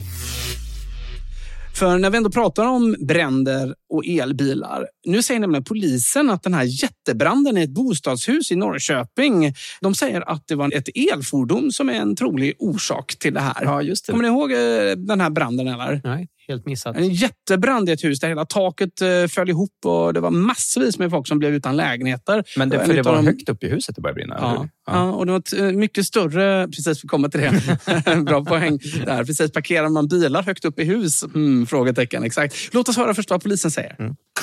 Eh, Det som verkar vara den troliga orsaken av vad våra undersökningar hittills har gett det är ett elfordon eh, som eh, stått på laddning och eh, sen har det i kombination med gasbehållare som naturligt finns i ett hem orsakat det här. Naturligt finns i ett hem säger du. Kan du bli mer specifik än så? Jag vill inte vara där i nuläget. Eh, man kan ju ha olika typer av gasbehållare i hemmet. Eh, så att inget konstigt så kan jag säga. Det var ju väldigt utbränt i den drabbade lägenheten. Eh, hur kunde teknikerna så snabbt komma till den här slutsatsen tror du? Nej, men eh, de har naturligtvis satsat mycket resurs på det här och eh, tillsammans med, med nationella bombskyddet och sådär. Så att eh, vi har, polisen gemensamt har prioriterat det här ärendet och vi har genomfört ett, över ett eh, hundratals eh, utredningsåtgärder för att snabbt försöka komma till ett svar för att eh, tillsammans med Åklagarmyndigheten lugna allmänheten eh, så mycket vi kan gasbehållare som naturligt finns i ett hem. Jag, ja. jag tolkar det som en gasbehållare till ett stormkök för någon campare. Jag, jag, utan ett obetänksamt ögonblick så försökte jag checka in en sån på flyget en gång när jag var på oh. fjällvandring. De var inte nöjda med mig. Ja, nej, men precis. Jag tänker väl också att det är något sånt, eh, något i den stilen. Eh, men vad är det för elbilsmodell som stod för den här olyckan? Eller var det kanske en hybrid? Eh, vad tror vi? Well, kan det inte vara en sån där, vad heter de, airboard eller något sådär man balanserar på? De, de var det mycket ståhej kring att det var brandfarligt. Ja, men precis. Du börjar närma det här. För um, det här är helt enkelt inte en elbil utan det här är en elsparkcykel mm. som stått på laddning som ska ha varit orsaken. Och jag tycker det är lite olyckligt av SVT att skriva liksom elfordon trolig orsak i den stora feta rubriken. Men det, men det var ju det polisen sa. Det kan ja. man inte... Mm. Men man drar ju parallell till att det skulle vara en bil. Då, Hur vet du att det är en elsparkcykel? Har du pratat ja, med? Det, eh, det har SVT eh, nämligen stampat mm. upp i eh, texten eh, om man läser den eh, nedanför eh, videoklippet. Ja, Okej, okay. så de hade tagit reda på att det var en elsparkcykel men de, de skrev inte ut det? Jajamensan. ja, men då kan jag hålla med dig i kritiken. mm, och det är inte det som polisen heller säger, kunde man också tycka att de kunde säga. Då. Mm. För de har uppenbarligen sagt det senare eller i samband med det här. Då. Mm. men det här elfordonet då var då i kombination med den här gasbehållaren då, som, som gjorde att den här branden uppstod. det var också två personer som var misstänkta för att det här skulle kunna varit en bomb för det så himla våldsamt eh, brandförlopp här. Då. Eh, men eh, de, de där personerna de, de har släppts, men en, en, är misstänkt för lite narkotika sådär bara. Men ingen, ingen brandbomb i alla fall. Det kan vi konstatera att det här med ladda cyklar hemma, det kanske inte är helt ofarligt heller. vad säger ni? Ja, en gång är ingen gång, säger jag, innan vi behöver mm. dra allt för stora växlar. Liksom. Ja. Det, det brinner ja, ju växlar. emellan varven. Liksom. vi laddar ju våra telefoner och mm. datorer och sådär. Liksom det, tror att uh, det, det, man behöver nog se ett mönster innan man ska tycka att folk inte ska kunna få ladda sina elsparkcyklar hemma. Mm. Liksom. Det, mm. Sen så är det väl bra om det finns ett elsäkerhetsverk som då och då stoppar produkter som, som inte är säkert tillverkade. Liksom. Och det däremot, kontakter stickuttag och sådär. Det där har ju, många gamla lägenheter har ju mm. stickuttag från 30-talet och sådär. Så pluggar du in en elsparkcykel som drar väldigt mycket under lång tid och så blir det varmgång och sådär. Så att, alltså någonstans så kanske samhället skulle eh, tjäna på att modernisera el systemen, men det tycker jag inte man gör så ofta. Alltså jag tänker också att eh, just de här produkterna har inte så mycket av battery management system heller. Elbilarna har ju det. De har ju aktiv kylning och en massvis med funktioner som bevakar att batteriet mår bra och så. Vilket eh, de här slit och slängprodukterna kanske inte har på samma sätt.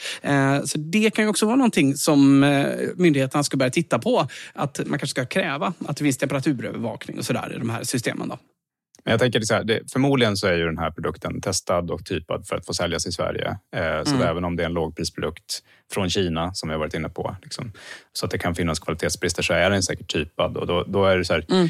menar, något enstaka exemplar kan ju ändå liksom få ett tillverkningsfel som gör att den blir farlig. Det, men det har vi sett i allt från Samsung-telefoner till annat, liksom att sånt kan slinka ja. igenom. Och det är ju när man ser att det är systematiskt, då, måste, då kan man ju börja tänka att man ska stoppa det. Och då, det, det tycker jag liksom att ett exempel kanske inte, Nej. ska man inte dra för, inte håller för, det. för förhastade grejer, liksom, utan det är väl bara otur helt enkelt. Ja. Ja, men det brukar ju vara kontakten ofta, liksom själva laddning och transformatorn. Det är där, när det väl brinner, så brukar det vara där det brinner. Så att, eh, mm. jag tror det är också, man ska vara väldigt försiktig med att skylla, liksom, skylla på själva fordonet. Och jag tror mm. det är mm. samma mobiltelefoner, det är ofta liksom själva laddaren som, som börjar brinna. Ja, just det. Mm. Och då ska vi rulla vidare och prata om Volkswagen som stänger sin elbilsfabrik. Alfred, vad händer? Ja, jag snappade faktiskt upp den här. Det, vi har ju länge rapporterat att många biltillverkare har klagat på vikande efterfrågan på elbilar efter att regeringen plötsligt drog in elbilsbonusen. Och samtidigt så har Tesla fortsatt att slå försäljningsrekord på försäljningsrekord och leveranserna hittills i år har ju faktiskt fortsatt att imponera även för de andra tillverkarna och det har varit lite svårt att få ihop de där verklighetsbilderna. Eh, men det är ju så att det har varit långa väntetider, så det kan ju vara så att många av de här liksom leveranserna som har skett i år, även av andra tillverkare, då, egentligen är köp som gjordes tidigare. Att det är helt enkelt så att de har byggt ikapp sin backlog. Och nu börjar det dyka upp eh, allt fler tecken på att det är en mjukare marknad. Det verkar som att högre räntor och svårare ekonomiska tider liksom är på väg att hinna ikapp. Eh, ett konkret tecken då som jag tänkte ta upp på det, det är att Volkswagen nu faktiskt annonserat att de ska stoppa elbilstillverkningen i sin fabrik i Dresden, mm. där de hittills har tillverkat eh, en del av sina exemplar av ID3. Och enligt bedömare så är det ett tecken på att koncernen nu börjar samla ihop all elbilstillverkning till andra fabriker för att lättare kunna genomföra kostnadsreducerande åtgärder. Det är mycket snack om det, om det inom Volkswagen-koncernen nu efter prissänkningarna på bland annat då Tesla som har gjort att de har börjat få efterfrågeproblem på sina bilar som byggs på den här plattformen MEB som Volkswagen-bilarna byggs på. Eh, men faktum är att det också finns signaler om att även Tesla, liksom, trots sina prissänkningar, har en del liksom, efterfrågeproblem. Hittills har vi mm. liksom, rapporterat om hur Tesla ständigt pressat alla sina fabriker till absolut max och liksom, gått genom eld för att kunna bygga så många exemplar som möjligt. Mm. Bara för att få ut, eh, ja, men helt enkelt kunna, de har inte kunnat mätta marknaden. Men nu står det klart att Tesla kommer inte att köra treskift. De kommer inte att köra nattskiftet i fabriken i Berlin, vilket gör att de mm. har presenterat att de kommer, istället för att skala den till 500 000 bilar per år, så kommer de nu då att i det här steget bara skala den till 375 000 bilar då, av Model Y som de bygger i Berlin eh, mm. per år. Vilket ju då är lägre än tidigare kommunicerat. Och det är såklart ingen utanför Tesla som vet den egentliga orsaken till det där, om det hade varit svårt att sälja bilarna som de hade kunnat tillverka under nätterna, eller om det helt enkelt är så att de lägre priserna som de har varit tvungna att sätta för att kunna sälja bilarna eh, överhuvudtaget gör att de får för dåliga marginaler om de ska betala mm. arbetarna de extra lönepåslag som det innebär att bygga bilar på nätterna inom EU. Då, helt enkelt. Mm. Vad, vad säger ni om det här? Vad, vad tror ni? Ja, tror, på, tror vadå, Volkswagen eller totalt sett? Totalt sett, liksom, är, vart är marknaden på väg? Kommer vi att se en eh, total efterfrågedipp här nu? Liksom, eller vart är det här på väg att barka? Ja, alltså ränteläget och, och mm, inflation mm, och sådär. Det är klart, sämre tider skapar ju lägre efterfrågan. Jag tror just Tesla är ju väldigt, väldigt bra positionerade med sina prisdumpningar då, som man gjorde i början av året, här, som gör det mm. väldigt svårt för andra. Så jag tror Tesla kanske mår, har det bra, särskilt nu med, med Highland-varianten som fortfarande förhoppningsvis kommer vara väldigt väl och bra prissatt. Mm, jag tänker att uh, i början här när vi hade väldigt hög uh, inflation så är det nog många som kom från ganska god ekonomi och um, det smartaste, folk är ändå rationella, det är ju faktiskt i så fall att göra ett dyrt inköp så tidigt som möjligt. Om det är inflation. Uh, så ska man ändå köpa en bil så gjorde man nog det för något år sedan här. och nu så känns det lite oklart. Folk och eh, folks eh, lån har ju löpt ut. Eh, så man har kanske inte lika mycket pengar i plånboken och räntorna stiger och sådär. Så vi har nog inte sett det värsta riktigt än tror jag av lågkonjunkturen. Ja, just, det, just det på elbilar så är det liksom det nästan sämsta rådet. För samtidigt som vi har haft den här inflationen med mm. generella mm. prisökningar så är det faktiskt elbilarna blivit billigare. Så där ja. går det ju åt färre kronor som samtidigt har blivit mindre ja. värda för varje som man ska mm. köpa. Och jag tänker någonstans att det, det som länge har varit en sanning är ju att om, man lön, om det lönar sig att köpa elbil handlar mycket om hur långt man kör för att den är lite mm. dyrare inköp men sen billigare per kilometer. Men nu i kraft med högre räntor och då den, större kapitalkostnaden vid inköpet eftersom de flesta ändå tar ett lån i samband med köp, då innebär ju det att eh, hur många kilometer man måste köra för att det ska gå ihop det har ju verkligen ökat sen de här förändringarna började ske i ekonomin. Så det är nog så att betydligt färre får ihop kalkylen på att köpa elbil nu jämfört med förut. Och det kan ju verkligen då leda till en dipp. Men anledningen till att jag tycker det är intressant att jag, att jag verkligen ville resonera med er om det här i podden, det är just det här att alltså, vi har ju länge tänkt att Volkswagen är nog den av de konventionella tillverkarna som är bäst med i matchen här och har tidigast gjort stora investeringar för att skala sin tillverkning. Och nu verkar det som att de åtminstone har lyckats springa ifrån efterfrågan på sina elbilar. Vilket ja, det är liksom första gången vi ser det sen elbilarna kom på något mm. sätt, mm. eller hur? Men vi vet ju inte riktigt hur det går för stackars Renault och, och Citroën och sådär som, eh, mm. som är lite sena på bollarna. Men en eh, grej som jag sprang in i här i mitt flöde var att eh, någon så, som förutspår framtiden, jag kommer inte ihåg vem det var, men förutspådde att eh, nästa år, slutet av nästa år, så kommer de första elbilarna bli, liksom få samma pris som motsvarande förbränningsmotorbil. Har du sett det också, Alfred? Mm, nej, jag har inte sett precis det du pratar om nu. Du får gärna berätta vidare. Ja, men det, det är just att man menar att nu har liksom priset på batterier, men det har varit den här 100 dollar per kilowattimme-gränsen har varit en sån helig gräns. Man har sagt att när det inträffar, det Mm. batteripriset, så kommer det vara lika eh, liksom prisvärt att köpa en eh, elbil Mm, som ja, väl 2024 där någonstans, 2025 är det sagt att det skulle hända. Så Mm. det är ju det som är på väg att hända här nu. Då menar man nu att nu håller det på att hända liksom, och då finns det ju ingen anledning att köpa en förbränningsmotorbil istället för en Mm. elbil. Alltså jag tycker det blir väldigt intressant att följa statistiken nu. Det, alltså det, det är ju en cyklisk marknad, det vet vi. Och går vi mot en, någon form av lågkonjunktur här, eh, som, som, det är oklart ännu hur djup den blir, men det verkar ju ändå vara en, en sättning i marknaden och det, blir, kommer säkert bli lägre volym av totalt antal sålda bilar här under Mm. eh, de kommande 12 månaderna säkert, än vad det har varit tidigare. Det som är intressant är ju att se hur den fördelar sig. Vi, menar, hade man frågat mig för ett år sedan så hade jag varit helt solklar med att det som kommer hända är att framförallt försäljningen på förbränningsmotorbilar kommer att dyka mer, medan elbilsförsäljningen kanske kommer kunna vara konstant. Nu tycker jag det finns tecken på att även elbilsförsäljningen viker och så blir det ju intressant att se, eh, liksom, viker elbilsförsäljningen mer än förbränningsmotorförsäljningen? Så att det liksom relativt sett blir en, en mindre skillnad ett tag. Liksom, att, Jag tror det. Jag tror att det du sa Fabian, att folk är rationella och så. Jag tror inte det stämmer när det gäller detta. Jag tror de allra flesta inte sitter och räknar på vad faktiska milkostnaden blir utan man tittar på inköpspriset. Det har vi i alla fall sett historiskt sett för att väldigt många skulle ha räknat hem en elbilsaffär för länge sedan. Det tog jättelång tid för taxinäringen till exempel att gå över till elbilar. Och jag pratar med jättemycket taxichaufförer som bara, nej, nej, nej, nej, det de får stopp på och sådär. Trots att det hade varit väldigt mycket mer ekonomiskt lönsamt för dem att köra elbil. Mm.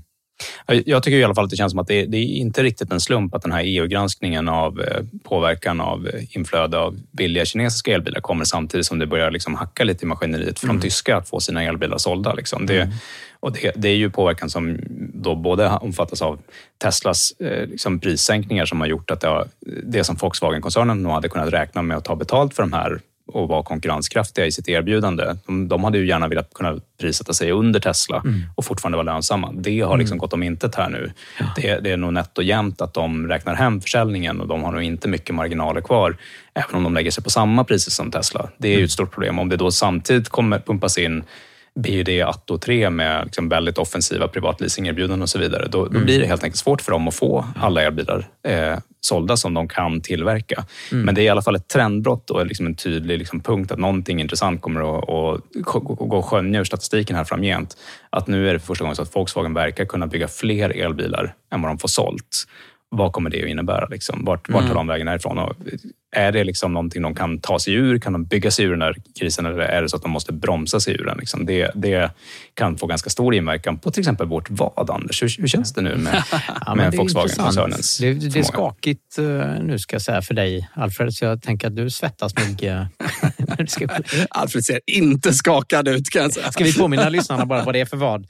Alltså jag och Alfred slog vad, kan det ha varit 2022 eller 2021 eller något sånt? Ja, det var länge sedan nu. Ja. Mm, du trodde att 20, slutet av 2024 ska Tesla vara världens största elbilstillverkare och jag trodde att det var Volkswagen. Och, Du trodde, eh, du trodde att Volkswagen skulle gå om, alltså sälja fler elbilar än Tesla. Liksom. För Tesla var ju eh, redan då Mm. den största elbilstillverkaren. Och sen ju jag liksom, tyvärr för min egen del uppdaterat vadet till att det skulle vara inte bara största elbilstillverkare utan största fordonstillverkare överhuvudtaget. Mm, och där har jag länge nu sagt att så här, fan, jag, var, jag är nog ett år för tidigt. Det blir nog först 2025 de Mm. blir, de blir störst. Liksom. Eh, men men en sån här nyhet eh, tycker jag antyder att det kan gå raskare än vad vi tror. Trots att det liksom ändå går att skönja tecken på att begränsad efterfrågan hos Tesla så tror jag att blir det en sån här kris, om den här krisen blir djup, då tror jag det innebär att Tesla kommer ta marknadsandelar ännu snabbare. Liksom. Ja, ja, men det är säkert så. Alltså det känns som att det finns ingen suck för Volkswagen att ta igen Teslas ledning. Det är helt otroligt hur en liten startup på tio år kan bli världens största. Det är helt o- o- osannolikt. Liksom. Men det är en Mm. traditionell bransch som de har reformerat på ett snyggt sätt. Det blir, det blir spännande att se hur snabbt Toyotas försäljning imploderar, för de är ju fortfarande störst. Liksom. Ja, de är ju Men, eh, makabert sena. de är inte med i den här matchen. Liksom. Nej, de är inte det. Nej, det blir intressant. Mer om eh, Toyota tror jag i nästa program faktiskt. Spännande. Ska vi prata värmepumpar? Nu blir det värmepumpskola. Hurra! Ja, för nu när det börjar bli eh, höst och kallt eh, så kanske en annan villaägare där ute har varit och skruvat lite på värmepumparna. Eh, Hur är det Anders och Alfred? Alfred, du sa att din hade börjat hosta igång. Ja, jag tyckte faktiskt det var lite kallt. så Det kan ju vara sådär i september innan man har fattat att den ska gå igång. Mm. Jag var nere och skruvade lite på den. Mm. Jag satte igång den redan för flera veckor sedan i källaren bara för att få Mm. lite golvvärme. Just det, precis. Ja, jag hade också stängt av min, eh, så bara varmvattnet var på eh, över sommaren här. Så det är ett säkert hösttecken att när det börjar bli lite kallt om fötterna, då går man ner eh, som man när man är i, i sin villa och skruvar på värmepumpen. Vi hade ju en, en stor eh, vä- värmeanläggning här när vi flyttade in som vi har kastat ut för den var väldigt oekonomisk. Eh, men nu ska vi då prata om värmepumpar. Eh, och varför ska man bry sig om värmepumpar? Ja, alltså en värmepump det är ju då som sagt ett väldigt listigt sätt att lura lura fysiken. Att faktiskt bokstavligen trolla fram värmeenergi ut ur luften. Eh, för det är så att man får faktiskt ut mer energi än vad man stoppar in. Och det där eh, låter ju kanske konstigt för alla som har läst eh, lite gymnasiefysik eller så. För ni vet ju då att, eh, ja hur är det med värme... Termodynamikens första lagen. Termodynamikens första huvudsats. Ja, kan du den Anders? Ja, men Mm. precis. Du, du får ju inte ut mer energi än vad du stoppar in. Det är också viktigt att poängtera här. Precis. Mm, för energin finns ju i luften. Ja, jo, men det får, det får du. Ja, ja, men precis. Det beror på hur man räknar. Men visst, det är ju helt riktigt. Energi kan varken skapas eller förstöras. Den kan endast byta form, eh, säger termodynamikens första huvudsats. Då. Eh, och de här värmepumparna, det kan ju bli ett väldigt bra sätt att spara energi då eftersom man eh, ju faktiskt vinner eh, ibland liksom fyra, fem gånger så mycket värmeenergi som man stoppar in i el i dem. Då. Och de här sitter ju då i våra hus som ni vet, men det sitter också i många elbilar. Hur, hur är det med det? Teslorna har väl värmepumpar numera va? Teslorna har värmepumpar numera. Hyundai var tidigt med det. Jag tror till och med Jaguar I-Pace var väldigt tidiga med att ha värmepump i, Mm. i sin elbil. Ja, men precis. Och faktum är att eh, värmepump eller en sån där kompressor, det sitter faktiskt egentligen i alla bilar som har en AC. För en eh, AC, alltså aircondition i bilen, eh, det är också en slags värmepump. Så. Men som sagt, många elbilar har också värmepump, inte bara för att kyla luft utan också för att värma luft. Då. Så, hur fungerar det här nu då? Eh, jo, för att förstå hur en värmepump funkar, då behöver man faktiskt förstå lite vad värme är för något. Eh, och värme, det är helt enkelt energi. Eh, och energi, det vet ju ni då, att det kan komma i många olika former. Allt ifrån eh, kemisk energi som i ett batteri eller i eh, trä eller avfall eller sådär som man bränner upp i värmekraftverk och sådär. Eh, och det kan också finnas rörelseenergi. Kan ni nämna, nämna någon annan form av energi som ni känner till från gymnasiefysiken kanske? Men, men tror du inte att våra lyssnare kan ganska mycket av det här du sitter och säger just Ja, nu? men jag tror det är lite, lite Ah, basic nej, nej, nej, nej, Nej. Vi får se här. Mm, får se vad ni Ja, kan. Om du redan kan det här, skriv till oss och berätta det för Fabian. Skriv till Fabian bilarmedsladd.se och berätta att det där kunde jag minst redan. Eller så skriver ni och säger vilken bra pedagogisk genomgång, för det, det är det som är målsättningen här. Eh, ja, det ser väldigt, de ser väldigt uttråkade ut här. Jag har inte lyckats skärma dem här. Men vi, vi ser, ly- lyssnarna hänger med här i alla fall.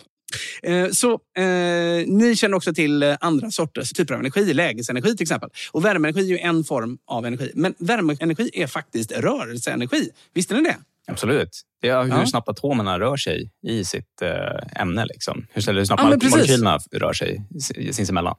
Exakt. För om man zoomar in på atomer och molekyler i ett föremål, då ser man att de faktiskt hela tiden vibrerar, roterar och i allmänhet bara rör på sig och svänger runt eh, till synes helt eh, slumpmässigt. Ehm, så det är alltså rörelseenergi som är Det värme. är ju väldigt osannolikt att kaffekoppen ska börja flytta på sig av varmt kaffe. Men det är i alla fall mer sannolikt att en varm kaffekopp flyttar på sig än- att en kall Ja, kaffekopp det. flyttar på sig. Ja, men precis. Ja. Då kanske vän av ordning frågar, vad är då kyla?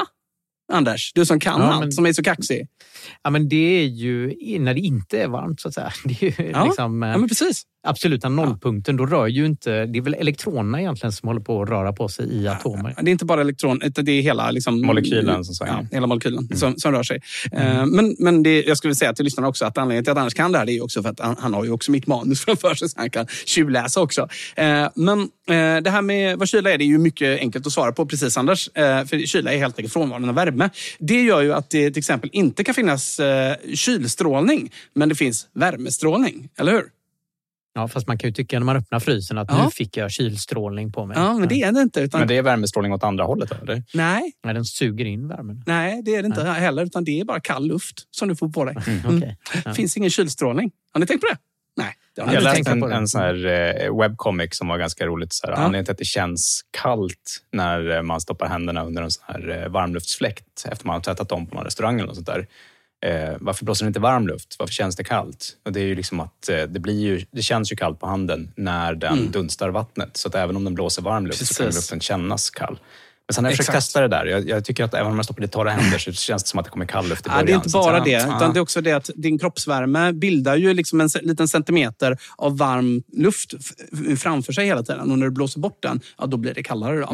Då. Eh, Så till skillnad från eh, värme då, för någonting kan ju vara hur varmt som helst. Solen kan vara jätte, jättevarm till exempel. Så finns det faktiskt ett golv för hur kallt det kan vara. Det finns ju den absoluta nollpunkten, noll på Kelvinskalan eller 273,15 grader Celsius. Alltså, än så länge det inte så mycket konkreta tips om hur jag ska ställa in min värmepump känner jag. Utan Ja, men det kommer. Det kommer. Hå- Håll ut. Det var väldigt vad det var dålig stämning i podden idag. Nej då, men just det här, för att jag har pratat Ja. ganska mycket om hur en kompressor funkar, eller en Mm. värmepump med folk. Och just det som brukar jag ta fasta på då, så här, för att folk tänker så här, men när det är noll grader ute, det kan ju inte finnas någon energi Ja, i luften Ja, då. Ja. Nej, men det är ju vid noll Kelvin, precis det, minus 273,15 grader, då är det ingen Då energi funkar i inte luften. värmepumpen längre, Allt, nej, allt över det, då finns det energi att hämta ut ju. Eller hur? Precis. Och till och med då finns det ju faktiskt lite, ja, inte vid den absolut, absoluta nollpunkten, men hela idén med att det finns en nollpunkt är ju att eh, man- de kan inte, liksom, inte röra sig mindre än inte röra sig. Eller hur? Nej. Mm. Eh, så, men nu kommer vi till godbitarna här. Då. Så hur fungerar då en värmepump? Eh, och jag har tänkt på det här och jag tror att det lättaste är att tänka så här. Tänk dig en låda med glada, hoppande, såna där vibrerande molekyler som vi pratade om. Eh, och du kan tänka på de här molekylerna som bollar som studsar runt i den här lådan. Och de här eh, bollarna i lådan de hoppar och rör på sig eftersom det finns värme i luften i lådan. Eh, och nu då så tar vi den här lådan, trycker ihop den så den blir ungefär hälften så stor kanske. Vad händer då med de här glada bollarna som studsar omkring hela tiden? Jo, de kommer ju hoppa runt och krocka mycket oftare med varandra och med väggarna. Eh, och Det kommer finnas mycket fler bollar per yta räknat. Det vill säga rörelseenergin och därmed värmen i lådan har nu ökat. Hängde med? Just det, det är liksom, i liknelsen så är det varje gång de kolliderar, det är liksom ett event som kommer att gå att mäta som ökad temperatur. Liksom. Det är då det börjar bli lite strålning och sådär. Men vi ska inte göra det för komplext här. Men det, det är helt enkelt en, en, en form av att vi har koncentrerat värmen. Egentligen är det vi har gjort. Jag brukar, när jag förklarar så brukar jag säga, säga det lite enklare. Så här, att om du tänker en, en gånger en meter så här, kub. Ingenting mer om att kissa i huset nu. Liksom. Nej, nej, inget sånt. Nej. Men tänker en gånger en. Badkarsliknelser. Ja, men du tänker en kubikmeter låda med, med liksom 15 grader luft och så bara komprimerar du den boom, så att den blir en kubikdecimeter istället. Ja. Men då blir ju värmen såklart mycket högre liksom, för du tryckte ihop den där. Ja, för det ska finnas lika mycket värme på den där på en mindre yta Exakt. plötsligt. Mm. Ja, det är egentligen inte svårare än så. Precis. Eh, Så det här är det som händer när man komprimerar saker. Till exempel en gas. eh, Då. Eh, Ökat tryck det leder då till ökad temperatur och på samma sätt så leder minskat tryck till minskad temperatur. Och där kan man ju se när man sprayar ut tryckluft eller drivgas ur en sprayburk. Då blir det ofta kallt eller frostigt vid mynningen. Det har ni säkert sett när man gör det. Just det. Ehm, och där kan vi då alltså använda den här effekten för att flytta värme. Och Det gör vi då i en AC-anläggning i din bil eh, eller i ditt kylskåp för all del. Eh, och genom att sänka trycket på en gas som cirkulerar i ditt kylskåp och höja eh, trycket utanför kylskåpet så kommer vi då kunna flytta den värme som finns i kylskåpet till att flytta den utan, liksom utanför. Och kylen blir då kall. Eh, för kommer ni ihåg, kyla är ju avsaknad av värme. Just det. Mm. Men det kan ju också vända på det här då. Och nu blir det ju riktigt spännande för det är här det magiska händer. För den energi som det krävs för att ändra det här trycket fram och tillbaka, den visar sig faktiskt vara mindre än det skulle kosta att värma eh, till exempel ett hus med lika mycket kilowattimmar med en värmepatron eller så. Just att så bara, bara ta den energin. kortsluta elen i något element. Det tar liksom Exakt. mer energi för att värma upp lika mycket värme som att flytta in värmen från luften utifrån. Även om luften utanför egentligen är kallare än det redan är inne i bilen. Precisely. Eh, och på effektiva värmepumpar kan man liksom den här faktorn vara gånger fem. Så får alltså fem gånger så mycket eh, värme eh, som i liksom kilowatt räknat som du pumpar in i kilowatt i el. Men det blir ju lite kallare utomhus då? Ja, Vill det är precis det? vad det Ja. blir. Ja, så det är bra för klimatet. Ja, precis. Det har ni säkert märkt att uh, utanför eran, uh, om ni har, som jag har en luftvärmepump utanför så blir det något säkert märkligt mikroklimat där utanför med väldigt fri, frostskadade Mm. träd och sådär. Eh, men det, det är inget stort miljöproblem så vitt jag känner till annat än att det låter lite kanske. Och man kan ju också göra som du har Anders, du har ju bergvärme. Då kyler man istället ner i ett borrhål istället för eh, rakt ut i luften som jag gör med en luftvärmepump. Men det har jag faktiskt inte i Nej, detta huset. Det var mitt förra hus jag hade det. Nu har jag luftvärmepump också. Ah, ja, okej. ja. Eh, och kyla ner i ett borrhål i alla fall, det blir ju lite effektivare eftersom det oftast är varmare långt ner i ett berg då, utomhus. Ja, det är faktiskt typ 6 grader Mm. alltid i, i berget. Eh, Så att eh, när det är riktigt varmt ute så är det Sämre. ju inte bra Ja. att plocka ut 6 grader. Från, men, eller hur? men det är ju på vintern när det är kallt ute som det finns ju Ikea och ett gäng andra har gjort ganska alltså i större liksom, Mm. här industriella och liksom, kommersiella lokaler. Liksom, I den skalan ska man göra häftiga grejer med att man, om man ska värma på vintern och, och kyla på sommaren så kan man liksom Ja. trycka ner överskottskyla i hålet på Ja. sommaren. Och, eh, eller tvärtom. Överskottsvärme på sommaren och sen ta, ha nytta av den värmen när man ska värma på vintern. Att det blir ännu effektivare. Liksom. Ja, men precis, så vill man vara riktigt fräck så kan man då kyla sina solceller så att de blir mer effektiva på taket med vatten och pumpa ner den värmen ner i borrhålet som man tar upp sen till vintern. Men allt det här är ju jättebra. Men det finns ju en del nymodigheter här nu då eh, som ställer till det. Och nu pratar vi då i synnerhet om elprisoptimering. För, och nu ska ni lyssna. Ni Är det nu det blir konkreta tips? Vad jag Ja, ska nu göra? blir det konkret. Är nu vi börjar. Ja. Ja, Johan, vi kan det- klippa hit då. Ja. Exakt. Fy fan alltså. ja, usel publik. Usel publik. Kära lyssnare, jag vet att ni, ni har suttit på hårt spänn hela tiden. Eh, jo, det som ställer till det lite grann det är att olika värmepumpar är olika effektiva på olika temperaturskillnader. Eh, så ofta är det så där att ju större skillnad det är i temperatur som pumpen måste överbrygga, ju mindre effektiv blir den. Så ju mindre temperaturskillnad, ju mer effektiv blir den. Det betyder att om du gör varmvatten, du ska gå från eh, säg att det är 10 grader ute och så ska du göra 60 grader varmvatten. Så krävs det, eh, då blir den lite mindre effektiv när den ska hela vägen upp i 60 grader än om den bara ska in och göra 20 grader eh, vatten till, dina, eh, till, till din golvvärme eller så. Då. Sense. Eh, Men det, det är ju så att utetemperaturen den eh, pendlar ju också ganska mycket. Eh, Och det som ställer till det här, det är just den här elprisoptimeringen som vi ju eh, brukar prata mycket om och förespråkar. Eh, Den gör ju att vi oftast kör värmen som eh, bara den på natten. Men dygnstemperaturen, utetemperaturen, är ju också i regel lägre på natten. Vilket gör att skillnaden blir då större på natten än att köra pumpen dygnet runt på dagen. Så det blir mer energi som går åt på natten än Mm. om, det, om man skulle göra det på dagen. Ja. Och då måste den vara så mycket billigare att det kompenserar för att det går åt mer energi. Exakt. Mm. Precis. Men kör du verkligen värmen på natten? Jag Mm. hade det i mitt hus att jag drog på värmen svinhögt på, på natten så jag eldade upp huset Mm. i 25 grader Ja, med visst. värmepumpen och så stängde jag av den på dagen.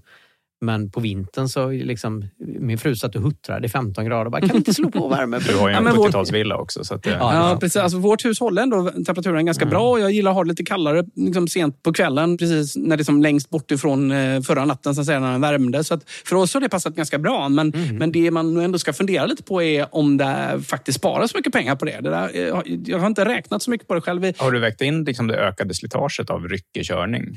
Ja, men precis. Och det kommer vi till också. För det där är ju också en faktor faktor att, att väga in. För Eh, det är så här då att moderna kompressorer de har en så kallad inverter som gör att värmepumpen då kan köra olika snabbt. Den kan köra på olika frekvenser i hertz räknat. Då, beroende på liksom hur, eh, hur mycket den, den måste... Så att den måste upp i frekvens till exempel ordentligt och drar då mer ström om den ska upp i, och göra varmvatten än om den ska göra bara 20-23 grader. Så ju större skillnad det är, ju, ju, ju mer hertz drar den på. Liksom.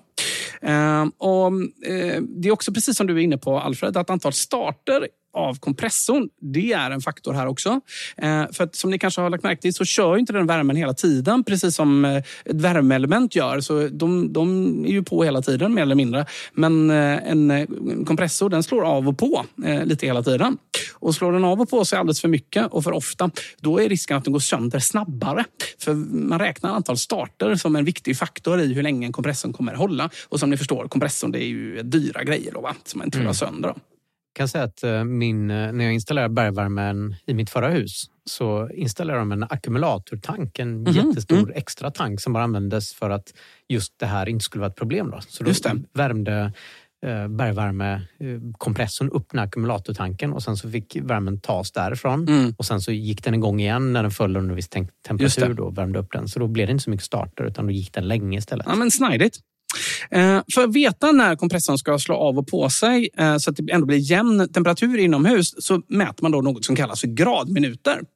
Och Det här har jag nämnt tidigare i podden och då stod det som frågetecken, vilket är också bakgrunden då till den här genomgången. Det Då. var för att du inte har tagit det här med molekylerna och, Ja, men som, precis. som dansar först. Liksom. Ja. Ja. Och när boxen med bollarna hade vi inte hört då. Ja, men man måste kunna liksom ha ett stabilt fundament Ja. att stå på eh, med boxar med molekyler som hoppar innan man kan ta sig hela vägen hit. Då. Så eh, gradminuter, det är inte så svårt egentligen. Eh, utan det är ju så här att utifrån en utetemperatur och lite andra värden så får vi då fram det som kallas för beräknad framledningstemperatur. Eller vissa gillar att kalla det för börvärde kan det stå på din pump också. Mm. Det gör det och det är då den, Ja, och det är då den optimala temperaturen som, eh, i den bästa världen skulle vi köra det hela tiden konstant i vattnet som går i din golvvärme eller så. Och gradminuter då, det är då helt enkelt hur många grader som temperaturen skilt sig från börvärdet gånger minuter. Så om vi vill ha optimalt 40 grader hela tiden i rören men vi bara haft 38 grader för pumpen varit avstängd i 30 minuter, ja, då har vi då tjänat in 60 gradminuter. Hänger ni med? Nej. Nej. Det är inte så svårt. Jag hänger med på själva matematiken. Jag hänger inte riktigt Ja. med på vad vi ska ha gradminuterna till. Nej, jag är inte med på matematiken heller. Jag har zonat Jo, ut där. så vi har liksom ett, ett värde hela tiden som du kan läsa av i din eh, pump vad det står på hela tiden för att veta var den befinner sig i liksom den här cykeln när den ska starta igen. Då. Så om du har väldigt stor skillnad mot den temperaturen som optimalt skulle vara i röran Mm. och du har det en lång tid, då får du många gradminuter. Okej, Och då- ta, ta mig vidare. Jag, jag tror att jag fattar vart du ska komma, men jag måste, Ja. du måste komma dit Och också. gradminuterna är det som sen styr en massa andra saker. Bland annat när pumpen startar, hur många hertz pumpen ska gå i och om det blir väldigt många gradminuter så pumpen inte hä- hänger med, då går dina elpatroner igång. Ah, Okej, så den har liksom en tolerans för hur stor eh, liksom, Ja. deviation, deviation, vad heter det, avvikelse som den kan acceptera Yes. innan den bara, "Nej, nu, nu skiter jag i den här effektiva dansen med studsande bollar. Nu kör jag bara igång de klassiska elpatronerna rakt av istället. Japp. Och det blir jättedyrt då för de som Och det blir jättedyrt. Precis. Då. Så eh, antalet gradminuter kan man behöva justera om man nu då eh, håller på med elprisoptimering som jag gör. Då. Jag blockerade min sån värmepatron istället. Kan man inte göra det? Ja, Ja, men det, det är därför din fru sitter och huttrar. Ja, det är kanske inte en jättebra idé för att om värmepumpen går sönder, om kompressorn går sönder, eh, då blir det väldigt kallt i huset kan jag säga. Då kommer det inget rädda dig utan då fryser allting. Så eftersom det här börvärdet då inte bara det styrs inte bara av utetemperaturen utan också av lite andra saker som till exempel elprisoptimeringsalgoritmen. Så, så styr man liksom börvärdet av det. Då påverkar det också då gradminuterna och då kommer de riskera att skena iväg när det dels plötsligt är jättekallt och elpriset är billigt. Och då så kan just detta då, om man har otur, hända då. Just det, som om man, om man tänkt att man ska vara smart och köpt någon sån här en Genic eller någon sån här smart manik. Det, den kan Ja. få börvärdet att stiga mycket när det är billigt. Och då om man inte är, värmepumpen är rätt konfigurerad, då kan den bara oj, är det så här viktigt att vi producerar värme? Då drar jag igång elpatronerna. Ja, precis. Exakt nu så. hänger jag med. Det var det här jag var sugen på. Vad spännande det blev nu Fabian. Vad, vad duktig du är. Ja, för när elpatronerna är igång, då blir det dyrt på riktigt. Så då blir plötsligt din elprisoptimering inte särskilt prisvärd längre. Just det. Inte ens om det är minuspriser. Det, Ja, jo, om det är minuspriser så mycket att du faktiskt får, får igen eh, nätkostnaden. Men det, sen, men det är väldigt sällsynt att det är så mycket minuspriser att du tjänar in nätavgifterna. Ehm, Så, eh, till slutsatsen nu då. För att undvika att elpatronen drar igång, ändra gärna inställningen för hur många gradminuter för elpatronen ska gå igång. Stäng inte av det helt som Anders har gjort. Han har gjort, gjort fel. Utan bara dra upp dem en, en bra bit så att inte elpatronerna drar igång i onödan. Och vad är bra, liksom? En bra bit? Ja, jag har ställt mina på... Liksom, alltså, eh, värmepumpen drar igång vid 60 gradminuter. Men de här springer iväg långt över 1000 ganska lätt.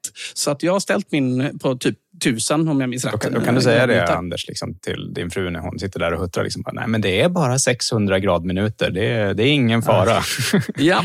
Men då är, om jag förstår det Ja. rätt här nu då, så anledningen till att du vill att man ska göra så istället för att blockera den här elpatronen, det är att om kompressorn går sönder så fryser inte hela systemet. Ja. Utan då, okej, Ja, exakt. då ska jag ändra det med en gång. Mm. Eh, Om du stänger av den och du är, befinner dig på Maldiverna eller så, då har du ett Varför problem. väntar du sju år med att säga det här Fabian? Alltså jag har ju berättat det här så många men- gånger. Helt Jag har ju ärligt, alltså med, berättat med detta den tidigare, här liksom, ha- harangen som vi var tvungna att höra först så är jag ganska glad att han väntade i sju år. Liksom. Men det är ju skönt att vi vet nu.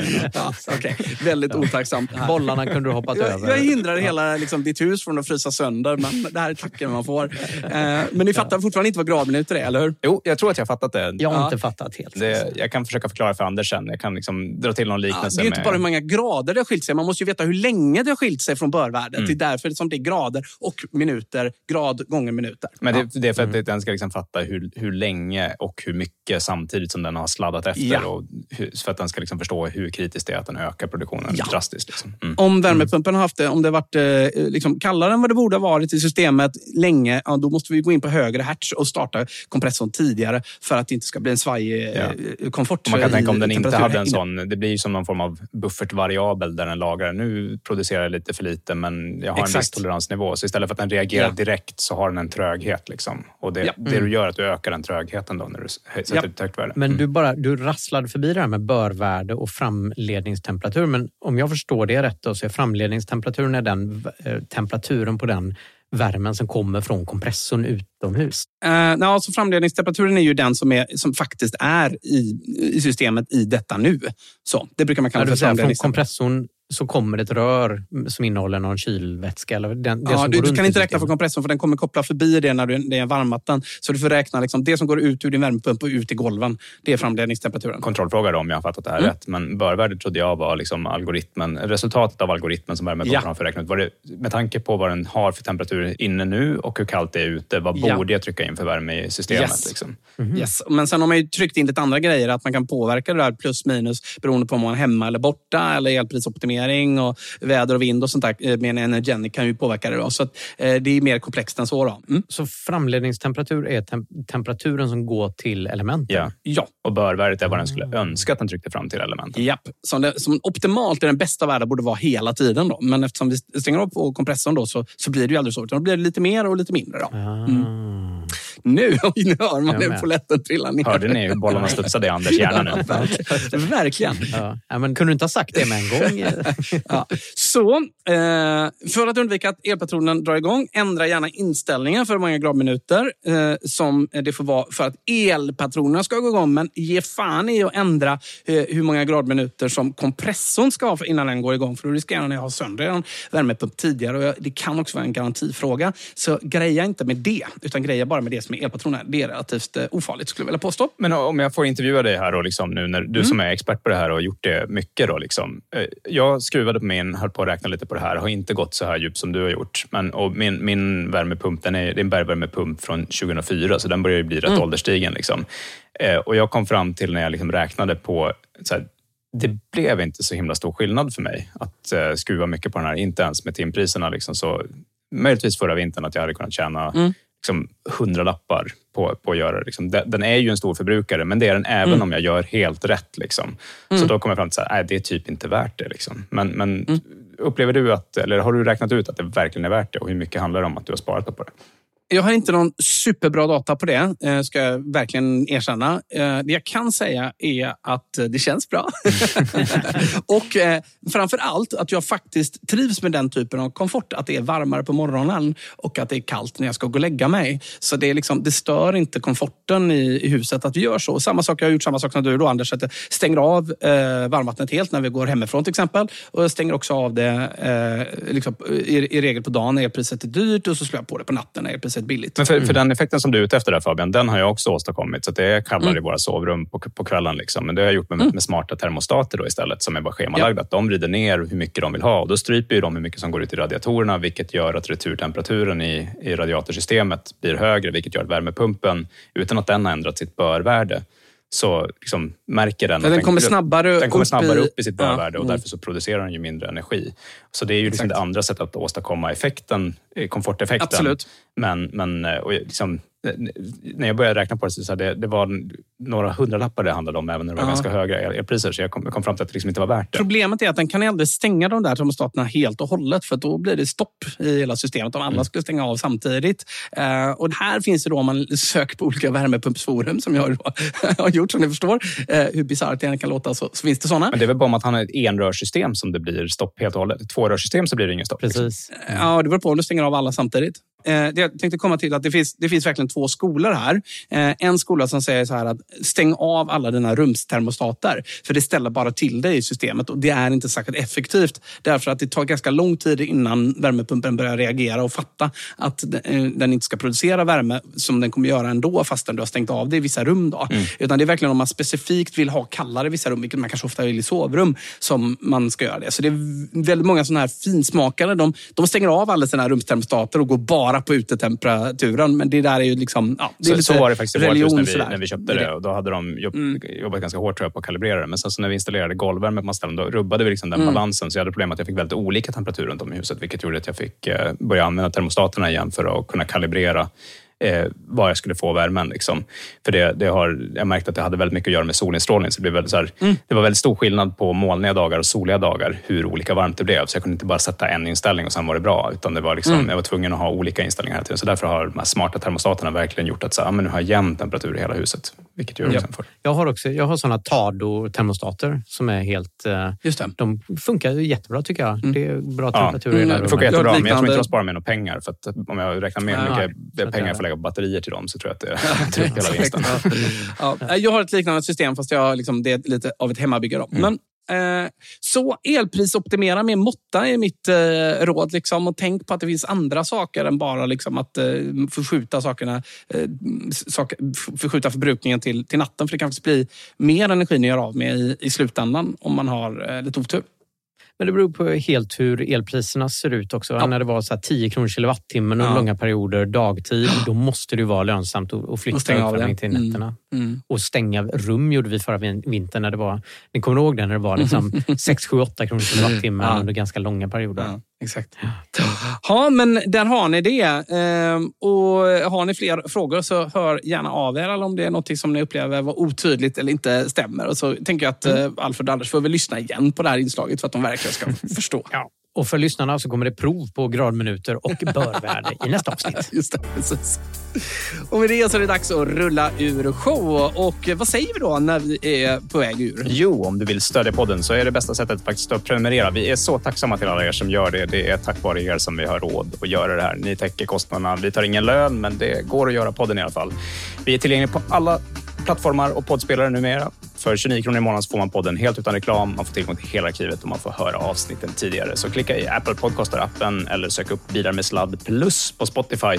Eller följ Acast-länken i avsnittsbeskrivningen om du använder någon annan poddspelare och prenumerera nu. Prenumerera jättegärna. Så det täcker våra kostnader för att göra podden. det är ingen förtjänst det här. Om ni däremot vill ge oss lite förtjänst så använder ni våra Tibber-länkar mm, när ni skaffar Tibber. Smart eh, elavtal. Det ligger på vår hemsida. Om man nu ska elprisoptimera med måttan. Ja, precis. Vi har även en Facebook Facebook-sida och en hemsida, eh, bilarmedsladd.se. Och där finns lite referrals, eh, eh, bland annat referrals eh, för om man ska köpa en Tesla-bil till exempel. Inte Model 3 tyvärr. Nu kan man inte använda de här referral-länkarna, men eh, om man köper eh, någon av Teslas andra modeller så får man då 5 eller 10 000 kronor i rabatt om jag minns rätt. Mm. Just det, det är 5 000 kronor i rabatt numera sen de sänkte priset på Model S och X. Ah, det är så, så det så har okay. är det lite mindre rabatt än förut, även om man har en referral-rank. Det finns även en vårdcentral som Anders Anders och Fabian och även jag är med på ett hörn i, som heter Hälsa mm. Hemma. Så spola Kry och använd Hälsa Hemma. Lista dig så fort du kan. Mm. Och tipsa dina vänner och bekanta såklart om podden. Eh, vi behöver fler lyssnare. Eh, så att fler får, upp, får höra det glada budordet om elbilen. Och det finns ju en elbilsskola också som vi gjorde i somras. Eh, också. Den tror vi är perfekt för nyblivna elbilsägare för att ja, komma igång, få en flygande start på sitt elbilsägande. Mm. Kontakta oss gärna på eh, info.bilarmedsladd.se eller Anders Alfred eller Fabian bilarmedsladd.se om du vill skriva direkt till oss. Redigeringen stod Johan Chandekär på Umami Produktion för. Tack så mycket för eminent redigering. Och ansvarig utgivare, det är du Alfred, Alfred Rut. Och med det så rullar rullar vi väl ur dagens show. Vad roligt det har varit. Och jag säger kör försiktigt och kör värmepumpen försiktigt också. Mm. Börvärde säger jag. Nej, du vet. Du kör elektriskt säger jag. Sladda lugnt säger jag. Tack och förlåt. Ha det bra. Det hörs vi igen om två veckor. Hej då! Hej då.